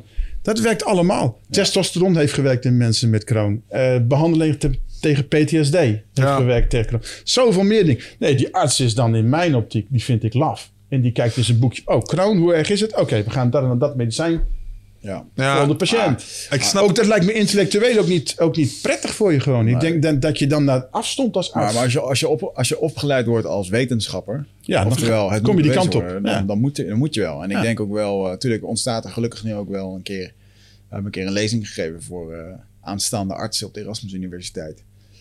En ehm, toen vertelde ik ook wat verhalen over wat ayahuasca voor mij had gedaan en eh, hoe het mij had geholpen. En er werd er in een review daarna werd er gesuggereerd door, Oh ja, eh, door een professor van... eh, ik kan het niet terughalen van... Er werd bijna gesuggereerd dat psychedelische middelen een medicinale werking hadden. Ja. Dus het is bijna zo van, Ja. oh, dat hadden ze maar beter niet kunnen doen. Dus ja, weet je, maar als je dan slaat internet open of vraagt aan mensen die het hebben ervaren en je krijgt een heel ander verhaal te horen. Ja, Maar goed, maar- Ja, maar ik- ik voor mij echt een eye-opener is... er is een website die heet Chronology. Chronology. Kunnen mensen thuis opzoeken. Daar houden 10.000 mensen met ziekte van Crohn en colitis ulcerosa... die houden bij wat voor hun het beste werkt. ja. Niet alleen het medicijn van de gezondheidszorg, gewoon zijn algemeenheid. Wat denk je staat bovenaan? Wat werkt het beste als je Crohn hebt? Ik denk CBD, Geen bier. niet bier. Ja, stop met bier drinken. Werkt het best. Zegt niemand jou in het ziekenhuis. Oh, zo. Dus Ja. stoppen met al, eh, Geen- bier specifiek bier. of alcohol? Bier, eerst bier. Eerst bier. is het en het gist of zo? Ja, en suikers en zo. Dat is niet Maar goed. dat is hetzelfde met kanker. Ook suikers en koolhydraten Ja, vermijden. Minder. dat ja. minder. Nou, en dan, dan komt inderdaad die andere alcoholsoorten komen. En dan als eerste niet eh, eh, medicijn, als je dit medicijn wilt noemen, cannabis. Staat boven welke westerse of, of reductionistische eh, medicijn staat hij op nummer 12 of zo staat Ja. hij geloof ik. Van alle mogelijke therapieën die je, die je kan doen. Ja, ik, Dus kijk, als 10.000 mensen het zeggen, je kent altijd het verhaal van anekdotisch bewijs. Ja, dat vind ik allemaal oké. Maar 10.000 mensen, dan denk ik toch zoiets van, nou, dat gaat voor mij het niveau van anekdotisch bewijs eh, te boven. Hè? Cijfers vertellen echt wel wat hoor, op een grote Ja, een dat vind ik ook. ligt er wel een beetje aan hoe je het onderzoek gedaan hebt. Maar ik, ik, eh, het is geen toeval meer bij 10.000. Dan heb je het over een fenomeen. Tegelijkertijd nog even terugkomend op de arts. Eh, ik snap wat je zegt, hè? Dat als, als je op een bepaalde manier wordt opgeleid... dat je in een bepaalde manier van eh, denken, zeg Ja. maar, wordt geprogrammeerd. Die begrijp Ja. ik wel. Ja. Tegelijkertijd, ik heb in de, zorg, eh, in de IT gezeten... zorgprocessen gefaciliteerd... en ook met specialisten te maken gehad. En iets wat we hier ook wel een beetje bij onderschatten, denk ik... is de waarom handelen zij op die manier? De fenomenale tijdsdruk. Zo'n specialist... Even 10 minuutjes. Die heeft maar, die heeft, dat, dat is denk ik het echte probleem. Want Ja. ik denk tegelijkertijd dat die artsen vanuit hun roeping best wel bereid zouden zijn om op die intellectuele ontdekkingsreis te gaan met een patiënt. Ja. Als zij daar voldoende tijd voor hadden. Want zij zijn een hele consult kwijt aan de Google-actie waar we het zojuist over hadden. Ja. En ik denk dat daar ook iets zit. Ja, Om dat probleem te vind ik dan tackelen. wel eh, niet handig om die consulten Op zo, zo'n zo zacht. kort, eh, Op zo zo'n kort zacht. te maken. Ja, het is een kostenaspect, denk ik. Ja. Vanuit de zorgverzekeraar ingegeven, hè? Toch vond ik het wel, ik vond het opmerkelijk dat ik, eh, ik was vorig jaar naar de jungle geweest. eh, in Zuid-Amerika, potentieel Zika-virus. En mijn vriendin was Oh. zwanger. Op de, ik had dat niet, maar ik was daar ook ziek geweest. Had meer met indianen eten te maken dan met... eh, eh, dan, dan dat ik echt wel veel was gestoken of zo. Maar goed, ik wilde het niet... eh, het gevolg zou kunnen zijn dat je een misvormd hoofd kan krijgen bij Ja, een ja. geboren kindje. Oh, wow. Dus ik ging onderzoek doen. En het eerste wat mijn huisarts vroeg in Amsterdam was... Oké, je hebt op, op Google gezocht. Wat heb je gevonden?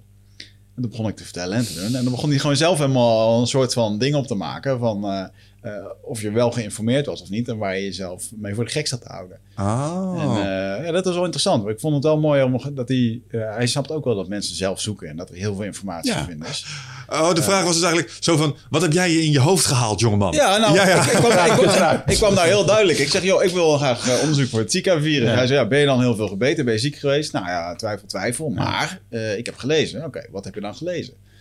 En eh, ik denk dat dat voor een hele hoop... eh, eh, ik denk, A, zal het werk soms makkelijker maken. Ehm, ja, ik vond het wel goed. Eh, Ja. Moet je toch rekening mee houden. Dat mensen Kijk, het steeds- komt toch voort ook, denk ik, bij jezelf ook. Uit een soort ontevredenheid met de gezondheidszorg zoals die nou is. Het, het volle vertrouwen is, is er niet. Bij jou dan, denk ik. Jij denkt van, nou, ik ga die mensen toch een beetje op weg helpen. En als ik het ze niet vertel, dan, eh ik had dan natuurlijk, gaan ze ik er had zeker natuurlijk niet een eh, achterliggend verhaal. In Nederland krijg je geen Zika-virus, maar ik moest daar wel eh, eh, ja, aangeven waarom dat ik dat wilde. En, Ja. en eh, ik heb toevallig eergisteren ben ik overgeswitcht van uh, ziektekostenverzekeraar. Dat heb ik de laatste dag van het jaar. En, eh, of eh, een paar dagen geleden. En eh, toen kwam ik er ook achter dat ik al die, al die bloedonderzoeken zelf heb moeten betalen. Wat? Ja, die waren niet mis. Of Nee, nee, nee. ziekte en zo. Ja. Dat heeft mij eh, 800 euro gekost. Had ik geen Ja, labkosten. Ja, maar het is toch, je proeft vaak dat mensen bij, bij zeg maar chronische ziektes, hè, waar onze gezondheidszorg niet goed in is, als er meerdere dingen een rol spelen, is onze gezondheidszorg niet zo geweldig goed. Nee, wat, wat Dat, vinden daar zijn ze namelijk niet. Daar zijn ze niet, zijn gericht op dat ene kleine dingetje. En als jij een ziekte hebt waar meerdere dingen een rol spelen, zijn mensen vaak niet zo tevreden over de gezondheidszorg. Nee. Omdat ze niet, niet, niet tot een antwoord komen. Maar wat vinden we daarvan? Vinden we dat ehm, ook niet dat daar, dat noemen ze patient ownership. Hè, dat was een heel ding. Je bent zelf de eigenaar van je medische dossier. Je bent ook zelf mede-eigenaar van de oplossing voor wat je hebt. Ehm, en ehm, ik hoorde Wigert, net- ik dacht even dat Wigert namelijk zei dat die gast gewoon aan het opschrijven was. Wat jij had gevonden, zodat het kon meenemen in zijn eventuele anamnese. Weet je wel? Zo van, oh, dit is waarschijnlijk de oplossingsrichting. En we gaan hier zoeken om te elimineren. En om, om jou deelgenoot te maken van het zoekproces. En de vraag is, vinden wij dat, dat, daar, dat mensen dat meer zouden moeten doen? Of moet je dat echt bij de arts laten liggen omdat mensen het eigenlijk helemaal niet kunnen?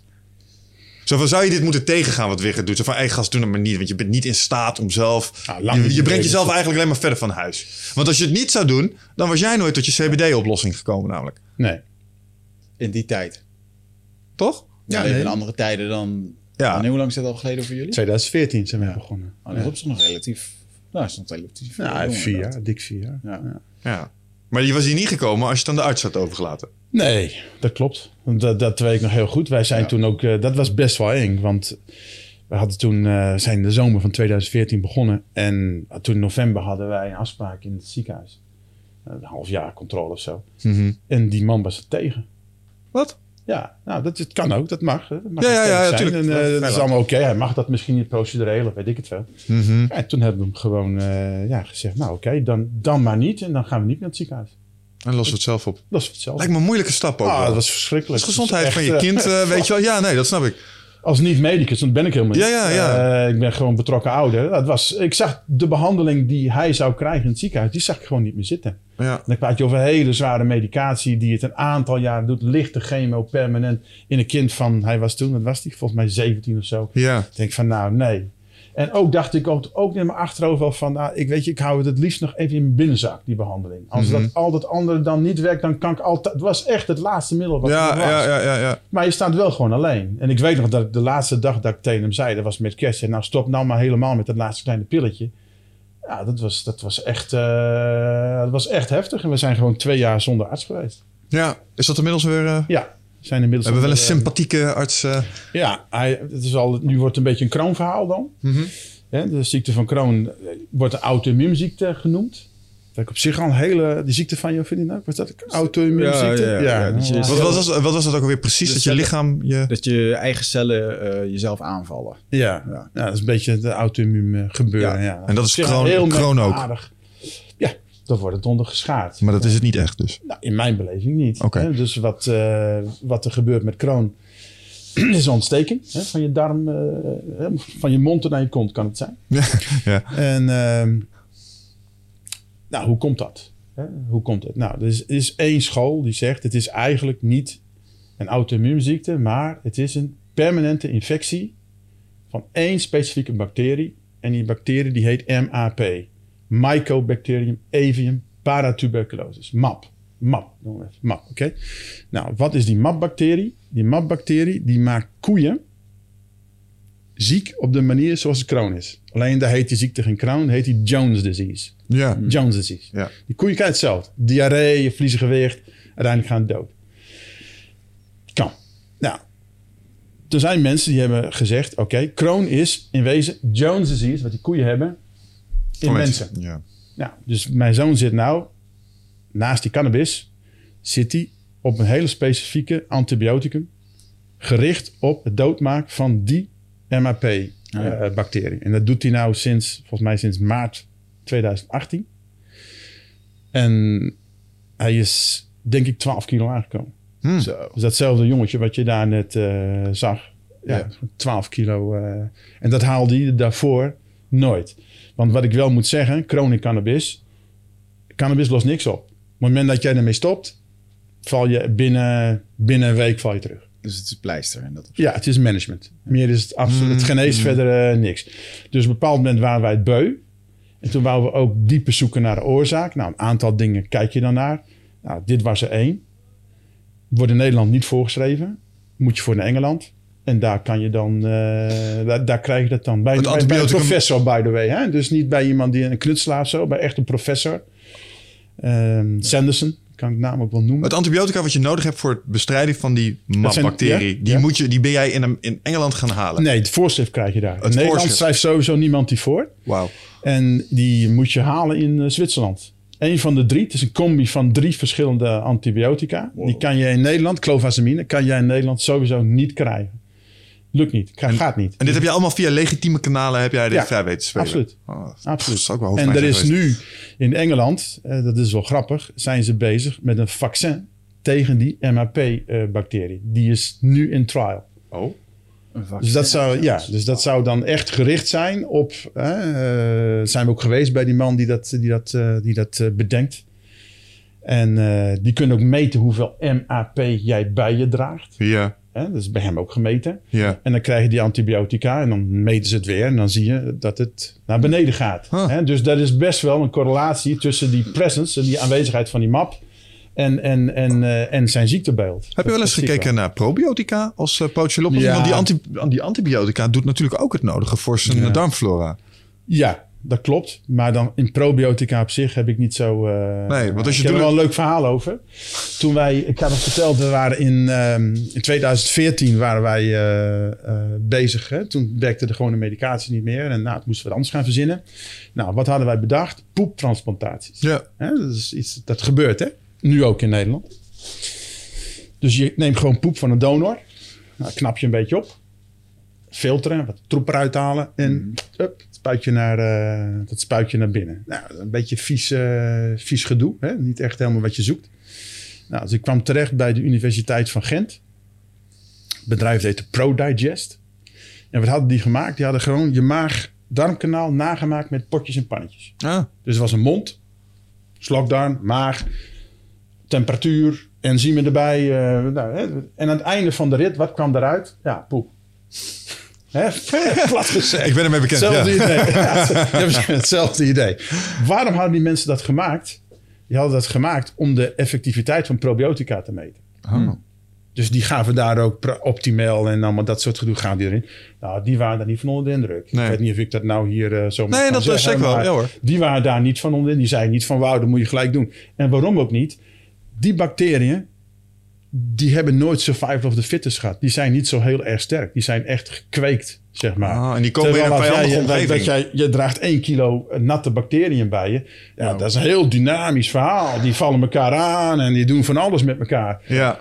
Die zijn sterk, weet Ja. je wel. En eh, hè, dat is een beetje het verhaal. Dus wat wij toen wouden doen, wij wouden die, die poep van die ProDigest wouden wij opvangen. Ja, een beetje survival of the fittest gehad. Hè? Die hadden daar echt aan het werk geweest, zeg maar.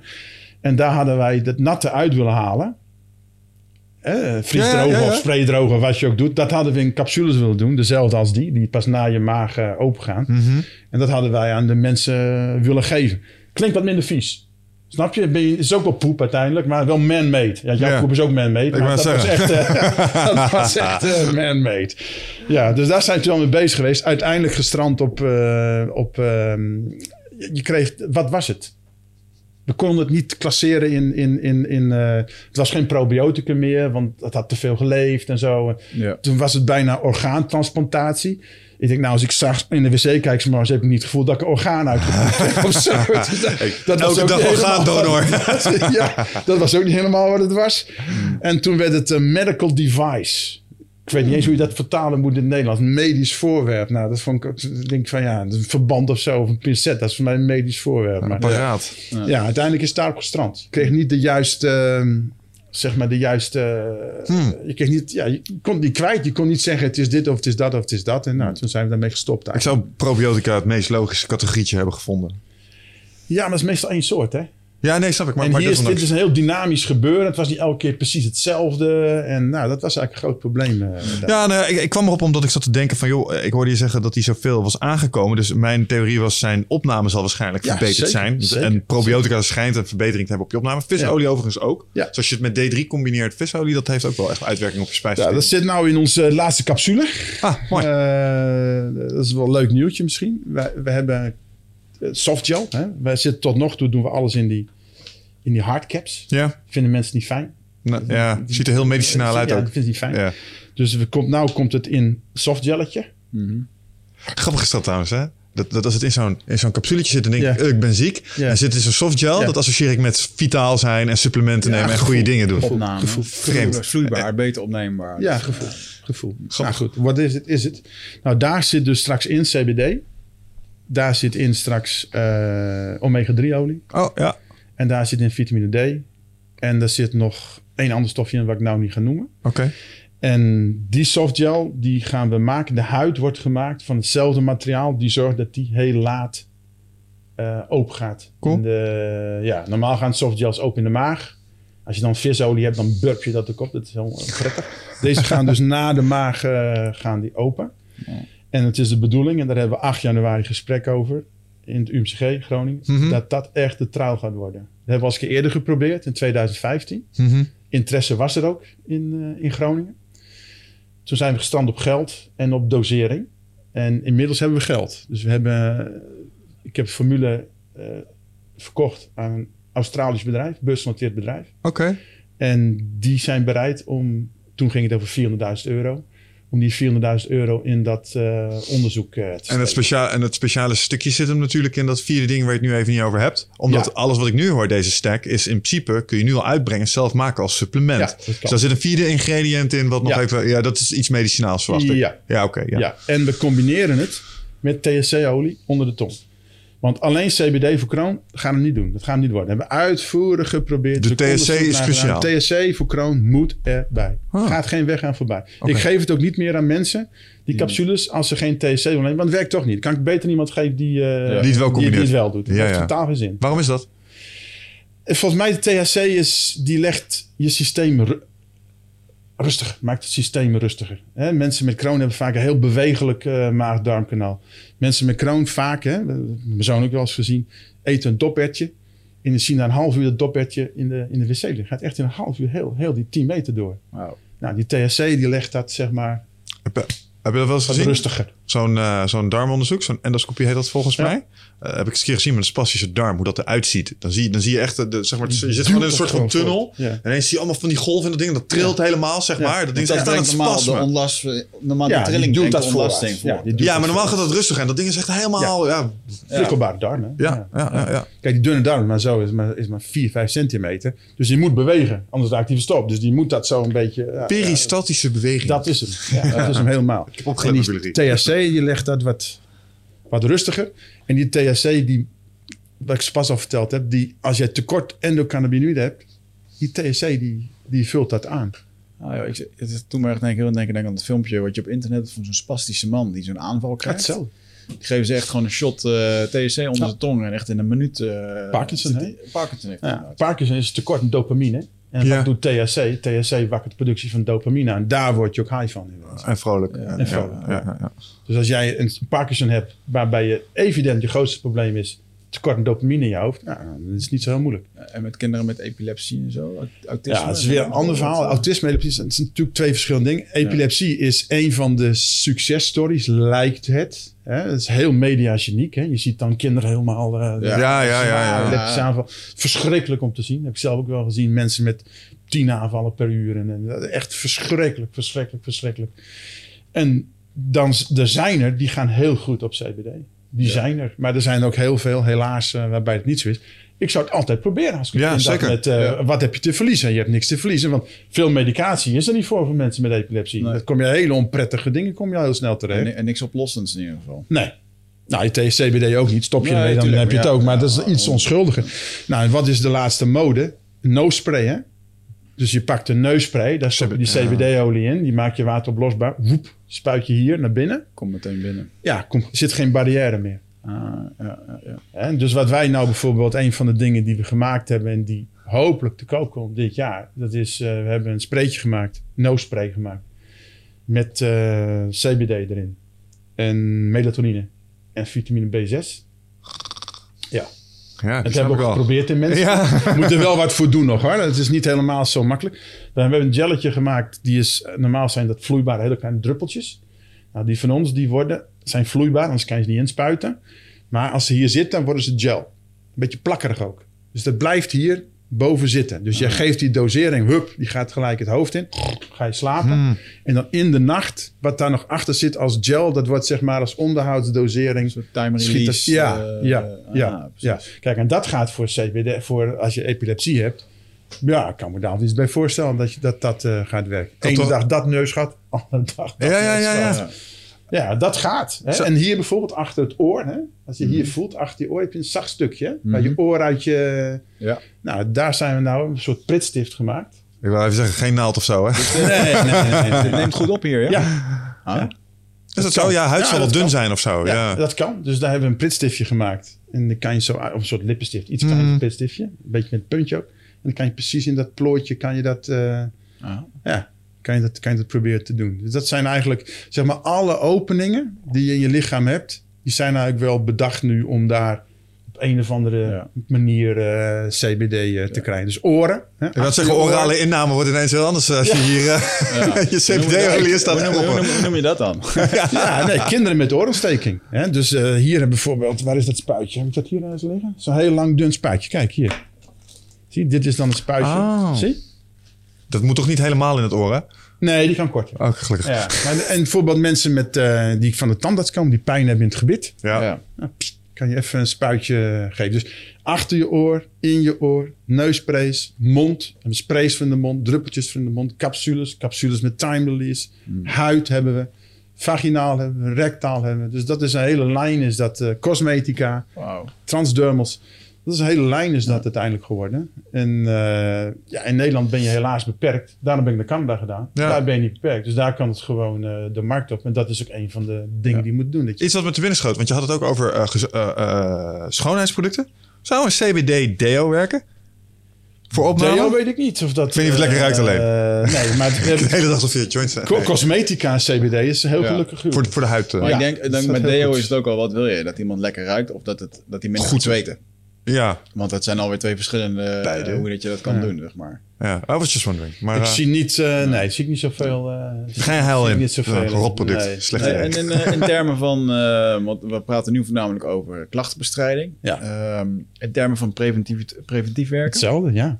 Ik zou het altijd doen. Af en toe gewoon een keer een goede druppel Ja. CBD, eh Ja. THC zou aan te raden zijn. Dat zou ik zeker doen. Ja, zeker als je... Vaak heb je wel dat je dan wat minder... Je voelt je gewoon even wat minder. Hè? Dan, eh, ja, da- dan zou ik dat zeker doen. Waarom niet? Ja. En ook niet te bang zijn om wat THC te pakken. Dat is helemaal niet zo. Mensen denken vaak dat ze gelijk van een flat af gaan springen. Zo. Maar dit, dat is helemaal niet zo. Nee joh, je kan best eh, relaxed, eh, op een relaxed manier Ja. high zijn en super productief helemaal, zijn. helemaal geen probleem. Als ik, als ik echt, als ik wel eens high ben, ga ik mijn hele huis opruimen. Gewoon omdat je ineens euforisch bent en je wil de zooi opruimen, Ja, weet je maar wel. iedereen, en dat, dat denk ik wel, dat iedereen zijn hersenvorm, structuur en manier van reageren is anders. Je kent vijf van jouw vrienden, je weet als dat zij drinken, dan hebben ze een bepaalde manier van dronken worden. En ik ken dat ook met mensen die high zijn, die krijgen een, kennen een bepaalde manier van high zijn. Mhm. Als jij gaat smoken, dan word je productief, word je creatief. Als ik ga smoken op jouw manier, dan eindig ik op de bank en doe ik helemaal niks meer.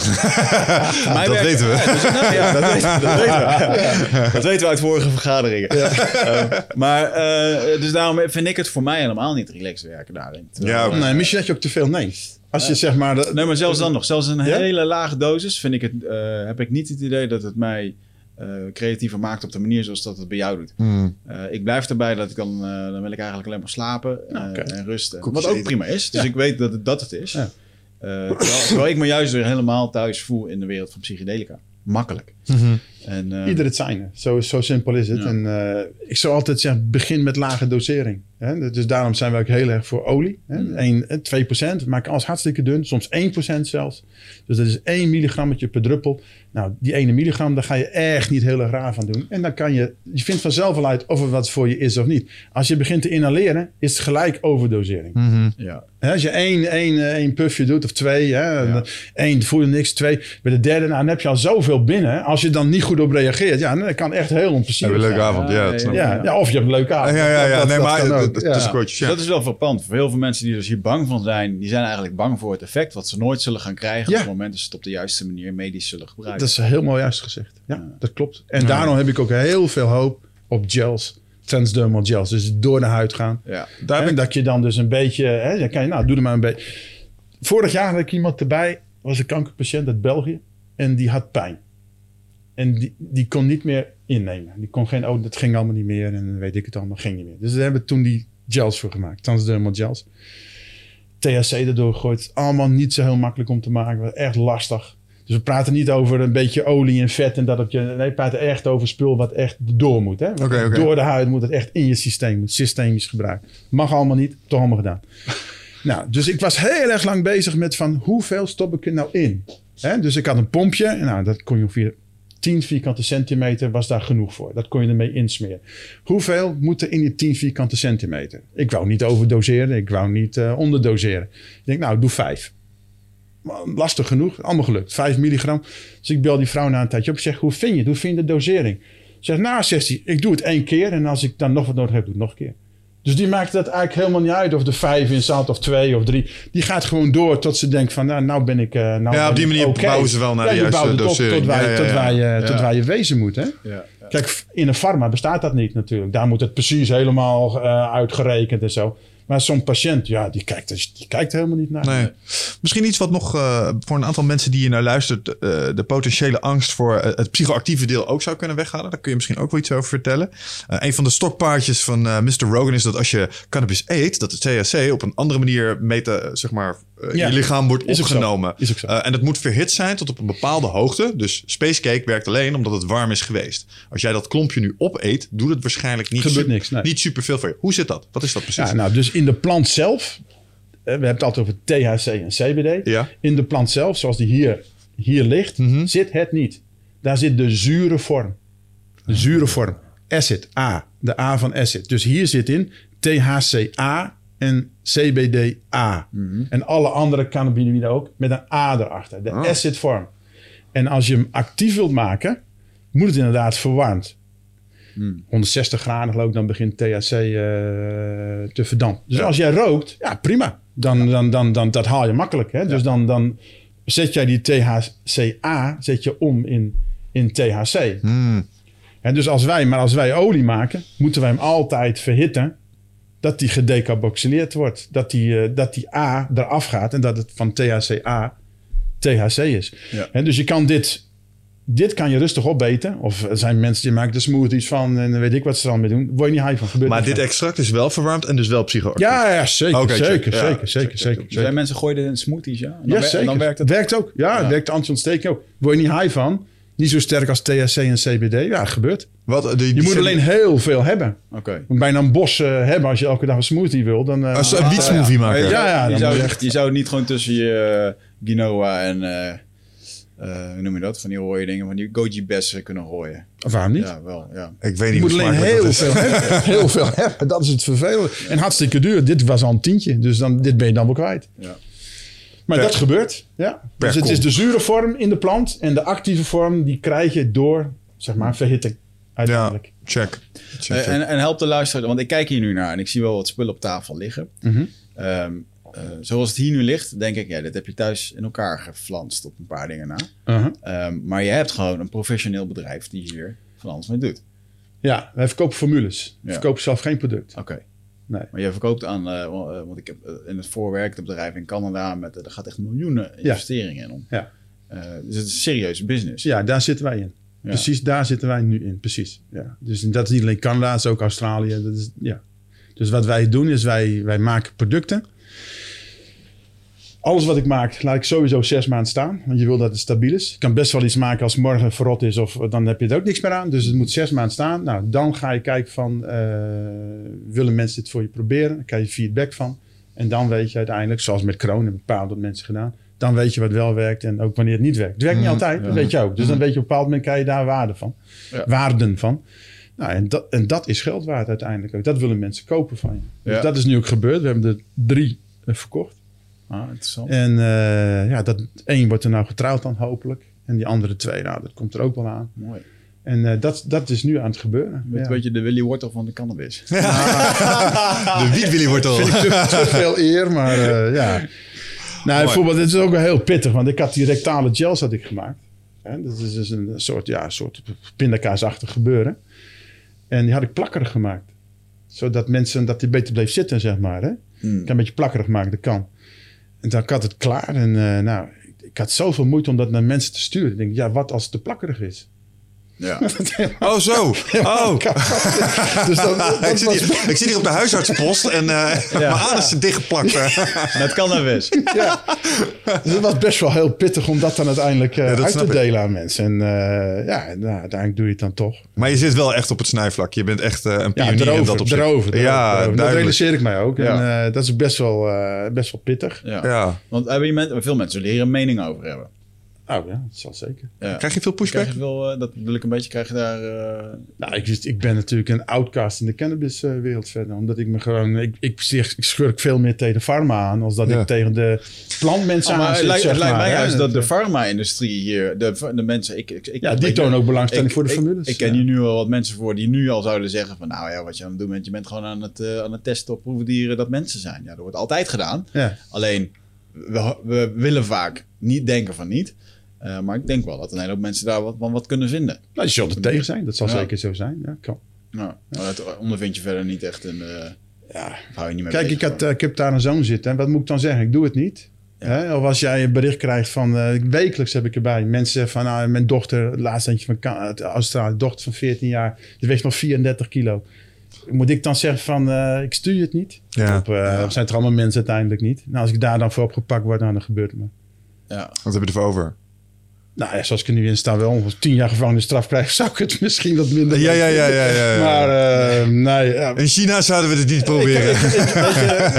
nee, maar Ik, ik, ja, ik vind gewoon, ja, als het dan werkt, weet je, als ik nou dingen maak die allemaal niet werken, dan, Ja. dan zou ik ermee stoppen. Dan Nou, doe ik het niet. Maar het meeste heeft echt wel gewerkt. En ik was dan wel ben je toch eigenlijk stom om dan te zeggen van, eh, dat kan ik echt niet doen. Nee, nou, ik was wel gecharmeerd van wat je aan het begin zei. Dat je gewoon eh, ook keurig de routes hebt bewandeld. Je bent gewoon Ja. keurig aangeklopt met de politie. Tok, tok, hey, Of dit is wat ik ga doen. Ja, ja, dan dat is netjes. justitie geweest.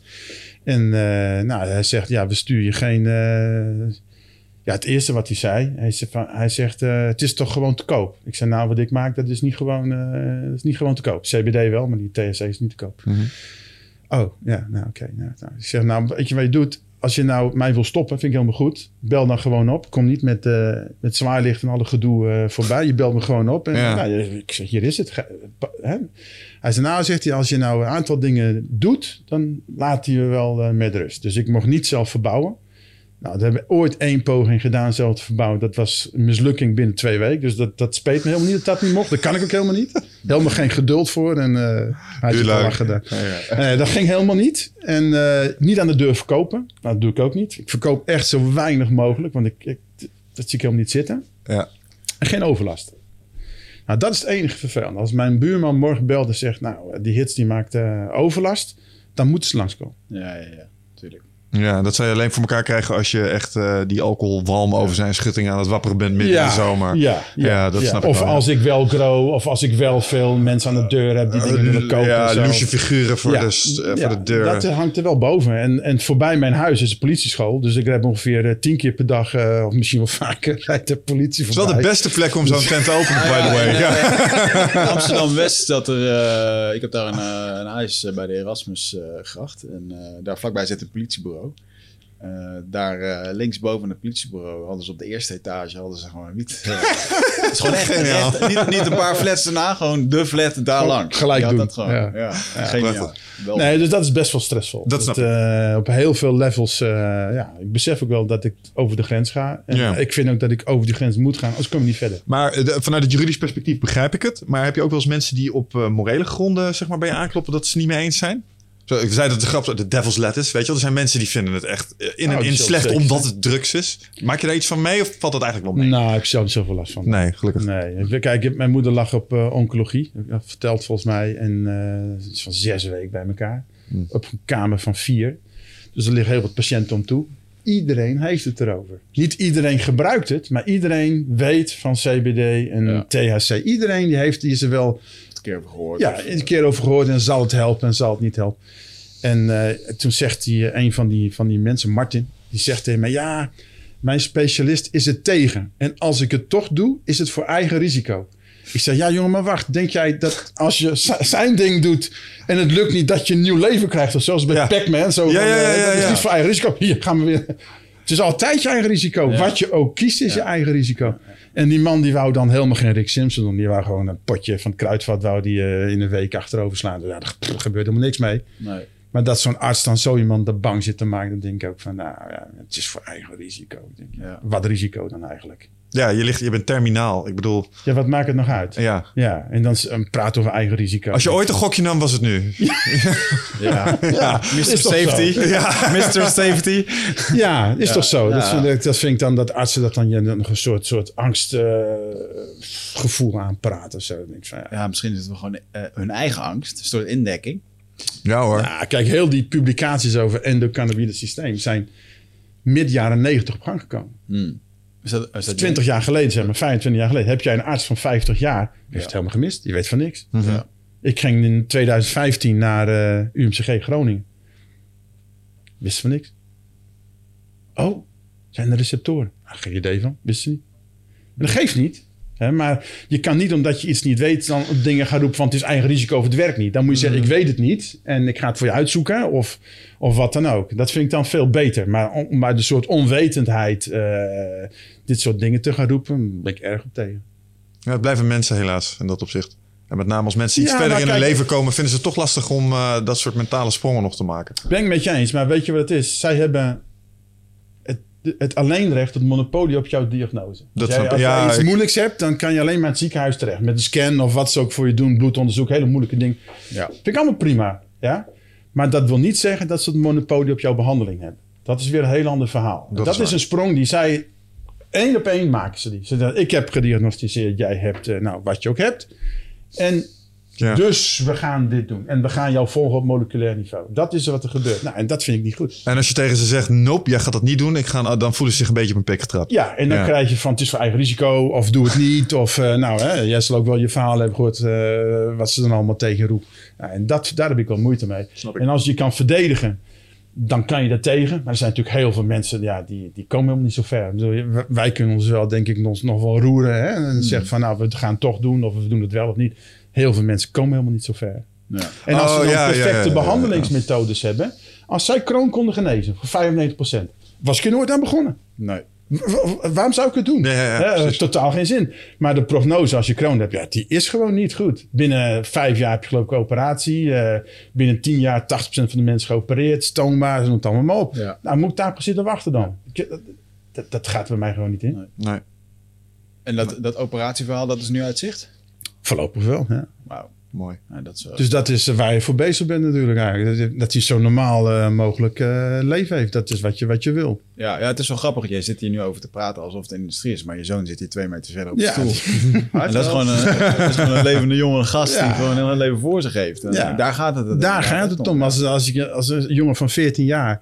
Hè, we waren in Laak, Zwitserland. Eh, waarom waren we daar? Daar was een soort, eh, ja, een soort hele grote hal met allemaal trampolines. Dan kan je springen. En Ja, ja, ja, hobby was vroeger springen, salto's en nou, allemaal moeilijke dingen en zo. Ja. Nou, hij was toen te ziek om dat te doen. Apart daarvoor naartoe. Dat ging gewoon echt niet. Het ging gewoon niet. Ja, ja, ja. Nou, hij gaat nu, hopelijk, gaat hij naar dezelfde plaats toe, Laaks, dit jaar. En dan gaat hij meedoen aan het Nederlands kampioenschap sloopstijl ski. Bang.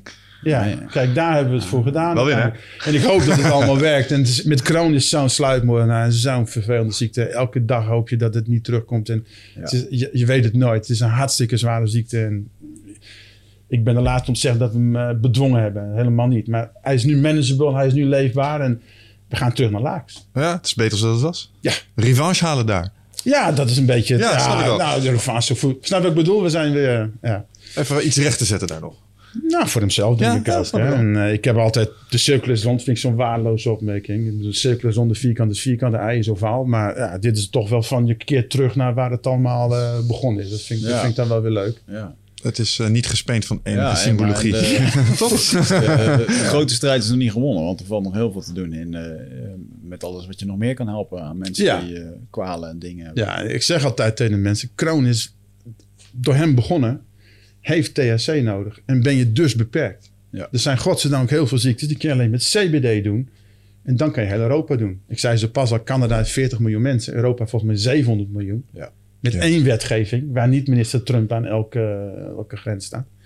Heel veel dingen kun je met CBD prima doen. Zeker als je wat dingen leent van de farma. Vitamine D3 hebben we het al over gehad. eh, bepaalde omega-olies, melatonine, vitamine B6. Dus dat je gewoon niet te bang bent om dat erdoor te gooien. Je hebt gewoon een hartstikke mooi product. Ah, wat ik wel knap vind is dat je eh, niet bang bent om... Want je komt vanuit bijvoorbeeld die, eh, beetje die online cannabis eh, community. Ja. Die overigens mij, volgens mij het enige parallellen heeft met de Kyokushinkai community zoals we die kennen, zeg maar. Veel kampjes onderling. Daar komen een beetje uit Oh, de vechtsport. En dan heb je ook bepaalde stromingen. Ja. En binnen die stroming heb je allemaal fracties. En eh, die zijn allemaal tegen elkaar. En daar heb je guru A en guru B. En die moeten elkaar niet. Nee. Eh, en, maar wat je zou willen is dat ze allemaal voor dezelfde sport gewoon zorgen dat die sport zo groot mogelijk wordt. Ja. En ik heb het gevoel dat, dat daar ook een klein beetje zo'n eh, dynamiek speelt. Daarom ben ik van niks meer lid. Snap ik, ik. voelde me daar totaal niet meer, niet meer bij thuis. En, en er zonde? in mijn mening dingen ook verteld die ik echt totaal onzinnig vond. Waar ik gewoon helemaal niet achter stond ook. En ik denk van, nou, die, die doe ik gewoon niet meer mee. Nee, het is ook heel politiek allemaal daar. Ja, en heel veel mensen hebben natuurlijk allerlei dubbele agenda's en twee pet op. En, eh, Ja, ja, ja, ja. Nee, ik denk dat als je doel hoor ik is... helemaal niet bij. Mijn, in- ik heb maar één belang, belang van de patiënt. Precies. Klaar, punt. Dat is waar het mij om gaat. En voor de rest niet. Ja, ja, als je doel is om CBD en THC-behandelingen zo breed mogelijk gedragen te krijgen, is het misschien zelfs wel nodig om een klein beetje afstand te Ja. nemen daarvan. Ja. En misschien wel iets meer tegen de big pharma kant aan te schurken juist. Ja. Want laten we wel wezen, die infrastructuur die ga je toch niet Nee. uit zijn zadel wippen. Je, je kan er maar beter voor zorgen dat, ze, dat zij iets aanpassen. Maar dat zijn olietankers, Ja. dus dat duurt even. Ja, dat is fout. Ja. En het, het, het is niet alleen big pharma, er zijn ook kleinere pharma's. En die zijn vaak meer genegen om, om jou eh, te helpen, ja. zeg maar. Hè? De echte bigs, nou ja, nee, die hebben niet zoveel interesse. Die zijn eigenlijk... Hè, die hebben een redelijk goed assortiment wat werkt en zo. Maar er zijn wel kleinere eh, Prima, maar in ieder start-ups geval En die, die kunnen... Ja, Binnen het systeem. ja, Ja. ja, want je wil uiteindelijk op dat schap bij die apotheek. Of bij de, hè, bij de, nou, bij de apotheek eigenlijk het liefst. Ja. Nou, dat lukt mij niet. We hadden in het begin wel die droom van dat gaan we doen. Dat lukt je niet. Moet je vergeten. Dat gaat dat niet werken. Ja. En Oké. eh, nog een niche, brandwonden. Schijnt ook wel eh, goed te werken. Ja. Maar, eh, Ja, ja dat, op- dat gaat gewoon met, dat kan je wel met een vette crème doen. Dus dan heb je gewoon een, eh heb dat ook wel eens geprobeerd. Als je zeg maar een brandwond hebt, die, je wilt dat het vloeibaar wordt, hè, mhm. als het op je huid ligt. Dus bij een graad of 30 moet dat zeg maar, moet het gaan, gaan vloeien. Mhm. En bij kamertemperatuur wil je dat het hard is. Hmm. Dus kan je het niet, niet, niet smeren, zeg Ja. maar. Dus dan moet je een goede drager vinden die dat, eh, die dat, die dat goed kan. In het begin deden wij alleen met kokosnoot. Nou, dat smolt veel te snel. Dat ging niet goed. Mhm. Dus we hebben de bijenwas doorgedaan en kokosnoot doorgedaan. Veel beter is gewoon, leerde ik later... Je belt gewoon een farmabedrijf. Je zegt, geef mij je basis van je brandwondencrème. En dan gooi je het daardoor. Gaat Want daar is al over nagedacht. ja, dat, en die doet het. Dat heb je ook geen, en die is goedgekeurd. Dus dat is helemaal geen issue. Dat kan je gewoon doen. Ik hoor wel, jij bent noodgedwongen wel een soort chemicus geworden. Ja, dat is een heel, heel grappig verhaal. Ik had een, een, een broer. Een, ik ben, we hebben vier jongens thuis. Ik ben de tweede in de rij. Mhm. En ik had één broer, Geert. eh, die is inmiddels eh, totaal onverwacht overleden. 12 Oké. oktober. Die was chemicus. Ah. Ik ben econoom. En ik had heel veel moeite met geld maken hiervan. Ik, kon, ik had, er- zeker met corona, had ik zoveel moeite mee om geld voor dingen te vragen. En eh, pff, dat kon ik helemaal niet. En ik had helemaal geen interesse in de economische kant van het verhaal, zeg maar. En mijn broer is chemicus. Je had totaal geen interesse in, in, de, in de moleculen. Die had juist interesse in het geldverhaal. Ik heb hem wel tien keer uitgelegd van CBD en THC. En hij is een hele slimme man. Klas overgesprongen. Veel slimmer dan ik. Ik denk, juist als jij het tien keer niet snapt, dan wil je het niet snappen. Ik geef het op. Dus als ja. dan weer vroeg, zei ik, Geert jongen, echt, ik heb het al tien keer. Ik doe het gewoon niet nog. Je wil het niet snappen. Is oké. Vind ik ook goed. Ja. Dus die zou mijn contracten doen. Nou, dat is helaas dan niet meer gekomen. Maar eh, ja, ja, dat is wel grappig.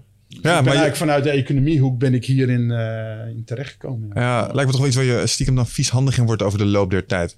ja, je moet heel veel studeren en, en, Ja, en ook, ja, ook, ook proberen. Ja. En wat nogmaals heel belangrijk was, ik ben pas vooruit gegaan toen ik de botanische invalshoek van de cannabis verloren was. Toen ik niet meer zocht naar de perfecte strain. Ja. Niet meer zoeken naar die ene cannabinoïde met vijf parts per miljoen die dan het verschil zou maken. Dat is echt onzin. Je moet gewoon vitamine D3 erdoor doen. Gaat veel beter. Ja. Geen mensen veel meer vooruit. Ja. of een goede draagolie nemen. Hè. En mensen nemen nou olijfolie. Nou, doet niet veel. Je kan ook omega 3 eh, eh, visolies, dat soort olies gaan gebruiken. Mhm. Gaat veel beter. Ja. Is ook allemaal onderzocht. Dus als je die dingen combineert, gaat het veel makkelijker. ja, maar dit is, dit is wat voortgang is. Voortschrijdend inzicht. Ja, Proberen, dingen leren. Hey, oh, dit werkt toch beter. Nou, gaan we dat doen. Oh, in combinatie daarmee was het druk. Nou, doen we dit weer. En, Ja. en zo zo moet puzzel je het uit. Ja. Kijk, voor mij is het voordelig. Ik heb geen botanisch verleden. Ik heb geen, niet tien jaar lang aan een strain gewerkt die ik nou in de markt wil hebben. Heb ik allemaal niet. Andere mensen wel. Die hebben gekloond en gemixt en alles, al het mogelijke gedaan om het ultieme plantje te maken. En die willen dat nou in de markt. Die zijn tegen mijn dingen. Die willen hun plantje, hè, puur natuur en eh, dat verhaal, dat moet dan de markt in. Hè? ja. Heb ik allemaal niet. Ik zeg altijd, hè, het zijn mensen die zeggen dan... Ja, die cannabisplant, dat is een door God gegeven plantje... die ons helpt om eh, eh, eh, kanker te genezen. Dat vind ik zo'n onzinnig verhaal. Als dat waar zou zijn, dan had God het wel gewoon in flesjes aan de boom gehad. Ja, ja, ja. Dat, dat is. Kankermedicijn. Ja. Eh, Ja, en verschillende. Dit is voor de, dat is helemaal niet zo. Die, die plant heeft gewoon overleefd, de evolutie. En die heeft in die, in die evolutie, eh, Survival of the Fittest, heeft die THCA en CBDA nodig gehad waarschijnlijk. En die heeft het overleefd. Mhm. Wat nog en dat wel... heeft verder niks te maken met, met, met, met wat dan ook. Van, eh, dat geloof ik helemaal niet. Is dat puur toeval? Want de, inderdaad, ik ken, de, ik ken de verhalen wel waarbij er een beetje wordt gesproken over symbiose en co-evolutie. Want het is wel heel typisch dat wij een endocrine systeem hebben dat precies sloten heeft voor het soort sleuteltjes dat die plant dan genereert. Maar dat zou, ja, hey, luister, moeder natuur is complex. Dat zou maar zo Ja. toeval kunnen zijn. Ja. Zo'n nummerspelletje. Ja, d- ja. Ja. maar weet je, daar heb ik allemaal ja, eigenlijk niet heel veel tijd voor ook. Weet je, je moet gewoon verder. Moet, en, moet het dingen doen. maken ja. die je doet. Ja, ja, ja, ja. En, en in een petri dish wil voor mij niet veel zeggen. Hè? Als jij kankercellen in, een- in een schaaltje legt, als je de zoutzuur op gooit, gaan ze ook dood. Snap je? Maar is niet uiteindelijk moet je wel, je dat is niet toepasbaar. Uiteindelijk moet je toch, het moet, en dan kan je het wel in beesten geven. Die kans had ik niet. Ik had geen beesten met kroon. Of ik had geen dus ik moest, ik kon maar één ding doen. Dat was het proberen in mensen. Ja. En, en enige waar ik wel eens vroeging over heb, of, of waar ik wel eens moeite mee heb. Ik krijg natuurlijk altijd mensen die eigenlijk redelijk uitbehandeld zijn. Ja, ja, ja. Je zou aan de voorkant willen zitten. Ja, tuurlijk. Dan heb je ook niet altijd die super zware gevallen. ja. Hè, ik heb altijd krijg te maken met mensen, wat ik net zei, dochters die bijna niks meer wegen en, en, en, en mensen met. Ja, en dat zijn ook geen- En weet ik, dat knap je op zich ook al niet van op als je al die berichten binnenkrijgt. Dat is best wel pittig ook. Ja. En ik voel me daar wel eens bezwaard, weet je wel. Ik wil absoluut niet dat mensen denken dat ik die allemaal kan genezen en helpen. En dat- Je schept een verwachtingspatroon wat je dan vaak toch niet eh waar kan maken. Dus ik ga niet zo. eh, niet Je bent zo ineens de messias. En, eh, Ja, dat wil ik helemaal niet zijn. Dat, Nee. dat voel ik me helemaal niet fijn bij. Dus eh, dat wil ik helemaal niet. Ja, we zeiden het er straks, volgens mij hadden we het ook even over voor de podcast. Dat wij, wij hebben wel eens over ayahuasca gesproken. En dan krijg je ook mails van mensen wiens leven dat veranderd heeft. Of wie die het willen gaan doen. En het zijn vaak ook niet de kortste mailtjes. Nee. Er zit heel veel eh, persoonlijke inhoud in. Ja. Ja. Je voelt je bezwaard als je er niet op reageert. Ja. Maar je kan er ook niet met twee regels bedankt voor je e-mail. Veel succes ermee. Nee, Eh, nee, je kom je ook in niet meer weg. gesprek terecht vaak. En, eh, Ja. nee, dat klopt helemaal. Het is absoluut waar. En dat is best wel zwaar. Ik vond het best wel zwaar. Dat snap ik. En het, het de leuke is, in, in de groepen die wij doen, eh, ik denk 90% is vrouw. Hm. Dat heb ik ook nooit helemaal begrepen. Maar 90% eh, is, is, is vrouw. Mannen lezen ook heel slecht. Echt herken heel slecht. Eh, ik had nog een set pillen hè, heb ik gemaakt. In zo'n houdertje. Had ik dat volgens mij tegen jou verteld? Nee, maar ik weet waar dit heen gaat, denk ik. Dus, in- dus een zetpil. Het ziet er toch heel anders uit als een gewone tablet. Hè? Gewoon een zetpil. Mensen gaat, mannen gaat, eten hem op. dat dacht ik, ja. Killen dat ding. Nee, de zetpil. Mannen gaat, brengen hem met plastic houder in. Ja. En die poepen die dag erop uit. Stuur je een foto van de wc-licht. Wat heb je me nou geleverd? Ik zeg, ja, maar dat had, dat had je er eerst af moeten doen. Mannen lezen niet. Doen het niet. Die zijn gewoon... hebben ze een vrouw horen of zo, die dat, Ja, die dat nee, dan gaan lezen. Ja, heb heel apart. Ja, Wat is de laatste keer dat jij een handleiding van iets gelezen hebt? Heb jij de handleiding van dat ding gelezen? Nee, dat- de mixer? nee. Nee. Ik ben nog- Ik heb nog wel een hilarisch verhaal van eh, eh, die ik kende. Die had van die eh, vloeibare Viagra's, van die jellies. Oh ja, ja, ja. Die had hij gegeven aan een vriend. En die eh, zei de volgende keer van, ja, maar het werkt helemaal niet. Hij zei, hoezo werkt het niet? Hij zei, ja, ik had het gewoon opgesmeerd. En, eh, je moet het ook niet opsmeren, je moet het innemen, weet je wel. Ja, die lezen, mannen lezen niet, jongen. Dat ze echt niet. Oral jelly, come maar. on. Ja. Zie je het je, dat je echt met je En maar vriendin, smeren. weet je wel, dat je met je vriendin bezig bent en dan denkt, wanneer komt hij nou? Ja. hij komt niet. Ja, dat is best wel... eh, Nee. ja, dat, ja, dus dat is ook een van de redenen dat we veel vrouwen hebben. Ja. eh, Vrouwen maken dingen voor vrouwenziektes. Ja. Hè? Premenstruele pijn en dat soort, eh, dat soort gedoe. Dat Hmm. komt er allemaal wel aan. Was dat ook niet waar eh, Albert Hofman onderzoek naar aan het doen was? Ehm, toen hij LSD heeft ontdekt voor eh, de krampen. Bij eh, Zwangerschap. zwangerschapskrampen. Oh, is dat zo? Ja, Dat LSD eerst tegen dat soort dingen was? Nou, nee, niet zozeer LSD, dat was een bijproduct daarvan. Maar daar was hij onderzoek voor aan het doen om iets te creëren wat dat zou kunnen eh, verminderen of verdoven. Dat is toch anders afgelopen? Toen reed hij naar huis, stond Andere toepassing. ja. toen reed hij naar huis en stond de wereld in de fik. ja. Ja. Nee, maar die, die, die krampen, die kan je met CBD ook, ook redelijk goed eh, de baas. Hè? Er zijn mensen die, die zoals tampons, er zit het op. Die kan je dan inbrengen en dan schijnt het allemaal te werken. Dus dat zijn best wel dingen. Mogen wij, eh, mag ik deze eh, tijd even gebruiken om eh, onze aankondiging van de CBD... Nou, dat is THC, hoor. Dit is THC. Nog beter. Eh, wij met Nutrifit hebben ook een, eh, een, eh, een aankondiging bezig. Want ik denk tegen de tijd dat deze podcast live gaat, dan hebben wij ons eigen CBD-product. 5 en 10 procent. Mhm. En ehm, Nou, netjes, dat- netjes gekweekt in Duitsland. Ja. Ja. Niet door onszelf, maar eh, door een netbedrijf die dat allemaal doet. En, eh, In een maisveld. in een maisje. maar eh, dat eh, ben ik wel benieuwd naar, wat dat eh, gaat doen. Want het is hip and happening natuurlijk. Maar we hebben Ja. er wel voor gezorgd dat het eh, goed spul is in ieder geval. En eh, ik, ik vind het in ieder geval wel mooi. Ik weet er nu in ieder geval hoop meer van dat ik al wist. Want ik krijg natuurlijk hele, ik kreeg hele documenten thuis gestuurd waar ik inderdaad naar zat te lezen. Ik dacht, wow, dit is wel heel erg veel. Veel chemie. Maar ja. Belangrijk is ook verdun, verdun, verdun. Mensen grijpen altijd, en dan staan er drie potjes, en mensen pakken altijd het hoogste percentage. Hmm. Dat is fout. moet je niet doen. Je moet het laagste percentage pakken. Je kan beter 10 druppels van 2% nemen als 1 van 20. Ja.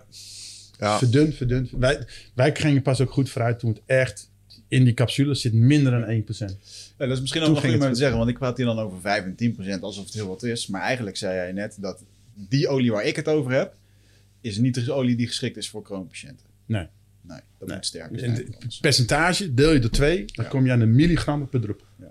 Als jij naar een dokter gaat en zegt: Ik heb één druppel van 2% CBD, nou, pff, die weet dan die begrijpt Hmm. niet wat aan de hand is. Nee. Die denkt altijd in milligram. Dus je moet altijd, voor mij is als ik wil praten met mensen of praat met mensen die serieus in de cannabis bezig zijn, die moeten het hebben over milligram. Ja. Als je het hebt over percentages, Dus zou je, zou je zeggen dat wat de medicinale cannabis die jij, eh, waar jij mee bezig bent, is echt als medicijn te zien? Ja. En wat wij hier proberen neer te zetten is meer een supplementair iets op het herstel van eh beter Ja. slapen, eh, Nou ja. beter eten. Het ligt er dus, als je, als je terug gaat naar het begin van het verhaal, het ligt eraan wat je ermee probeert te doen. Als je een CBD-olie neemt, gewoon voor algeheel onderhoud, zeg maar, om die receptoren Ja. gevoelig te maken voor wat het ook maar is wat je aan het doen bent. ja, Precies. Maar als je het voor Crohn wil doen, nou ja, dan is, dus de, is het de bedoeling dat delivery veel meer ja. bij de area is waar je wil zitten. Ja, ja, klopt. Ja. Daar heb ik dan nog een vraag over. Stel, je bent Crohn-patiënt. Ik, ik heb een aantal mensen in mijn omgeving die het hebben. Je kent hem ook, Kancho. Mhm. Ehm, en, en die horen dit. En die denken, oh, I gotta get in on this. Waar gaan zij eh, naar googlen? Eh, ja, Waar moeten ze aankloppen? Kijk, wat natuurlijk heel vervelend is, dat zei ik zo pas ook al, er moet THC bij. Ja. Ik kan legaal in Nederland geen THC verkopen. Ja. Dat is gewoon een groot probleem. Ja. Dus wij hebben wel trucjes dat, doe- dat we toch stiekem doen. Eh, hij heeft een bedrijf dat Innovative CBD Products. Daar kan je naar kijken. Mensen kunnen mij ook altijd mailen. harmhits.hotmail.com. Mag ook. Maar dat THC, dat hangt er gewoon boven. Ja. Gewoon eerlijk in zijn. Ja. Eh, ik kan niet eh, zeggen hier dat ik iedereen die mij belt, dat ik die THC wil hebben. Dat gaat gewoon niet. Dat is strafbaar. Dat, dat, dat gaat gewoon niet. Dus wij zijn beperkt in het aantal mensen wat we kunnen servicen. Dat is, ja, vind ik verschrikkelijk. stiekem wel benieuwd naar de Maar hoeveelheid mailtjes die je gaat krijgen naar aanleiding Ja, van je nou, e-mailadres naar droppen. Dat zien we dan Ah, als je wil, kunnen we er nog uithalen. Nee hoor, mag, mag, mag. Oké. Altijd heel open geweest en alles. Ik heb altijd gezegd, ik ga door de voordeur. Ik ga niet... eh, als het niet meer gaat, dan gaat het niet meer. Dan zie ik het wel. We hadden een bankrekening nodig voor zijn bedrijf bijvoorbeeld. En eh, ik zat, ik had, had ik het eerst, had ik het Innovative Cannabis Products eh, genoemd. Ja. Nou, ik krijg geen bankrekening. Onze, Dat vergeten. onze PayPal-rekening eh, werd geblokkeerd omdat wij eh, een hemp-eiwitproduct verkochten, Ja. onder andere. Ja. Dus eh, toen hebben we er CBD van gemaakt. En dan uiteindelijk eh, krijg je dan bij Gods gratie... eh, maar ik, eh, bij de knapbank zitten wij. Ja. Die controleert dan niet. Volgens mij als ze controleren, dan, dan blokkeren ze hem ook direct. Maar eh, ja, ik ben besproken bij de Rabobank. Bizar. Ik ben op regionaal hoofdkantoor Rabobank geweest. En bepleit dat ik een bankrekening nodig had. En dat ik alles eh, legaal probeer te doen en zo. En toen was uiteindelijk het verhaal... Nou, het had dan misschien nog wel gekund. Maar ik zou dan bestuurder worden van de BV. En omdat bekend was dat ik ook THC deed... zou het daarom sowieso al niet gaan. Ja. Dus omdat ik persoonlijk dus al, eh, ja, zeg maar, eh, besmet ben. Ja. Wat een eikels. Ja, dus hij is directeur eh, om, de, om, de- om die reden. Ik zou zelf daar... eh, ja, ik ben niet qualified eh, omdat ik geprobeerd heb mensen te helpen. Maar je hebt dus geen strafblad. Je bent nooit veroordeeld. Nee. Volgens mij mag dit niet eens. Ja, het zijn misschien company rules, Ja, hè? er wel een regel voor. Ik ken ook iemand die een mail kreeg. Die postte dat toevallig op zijn social media. Dat zijn Rabobank-account eh, eh, werd opgezegd met een hele nette brief. Omdat ze hadden vernomen in de krant dat hij eh, be- betrokken was bij iets wat niet mocht. En, Ja.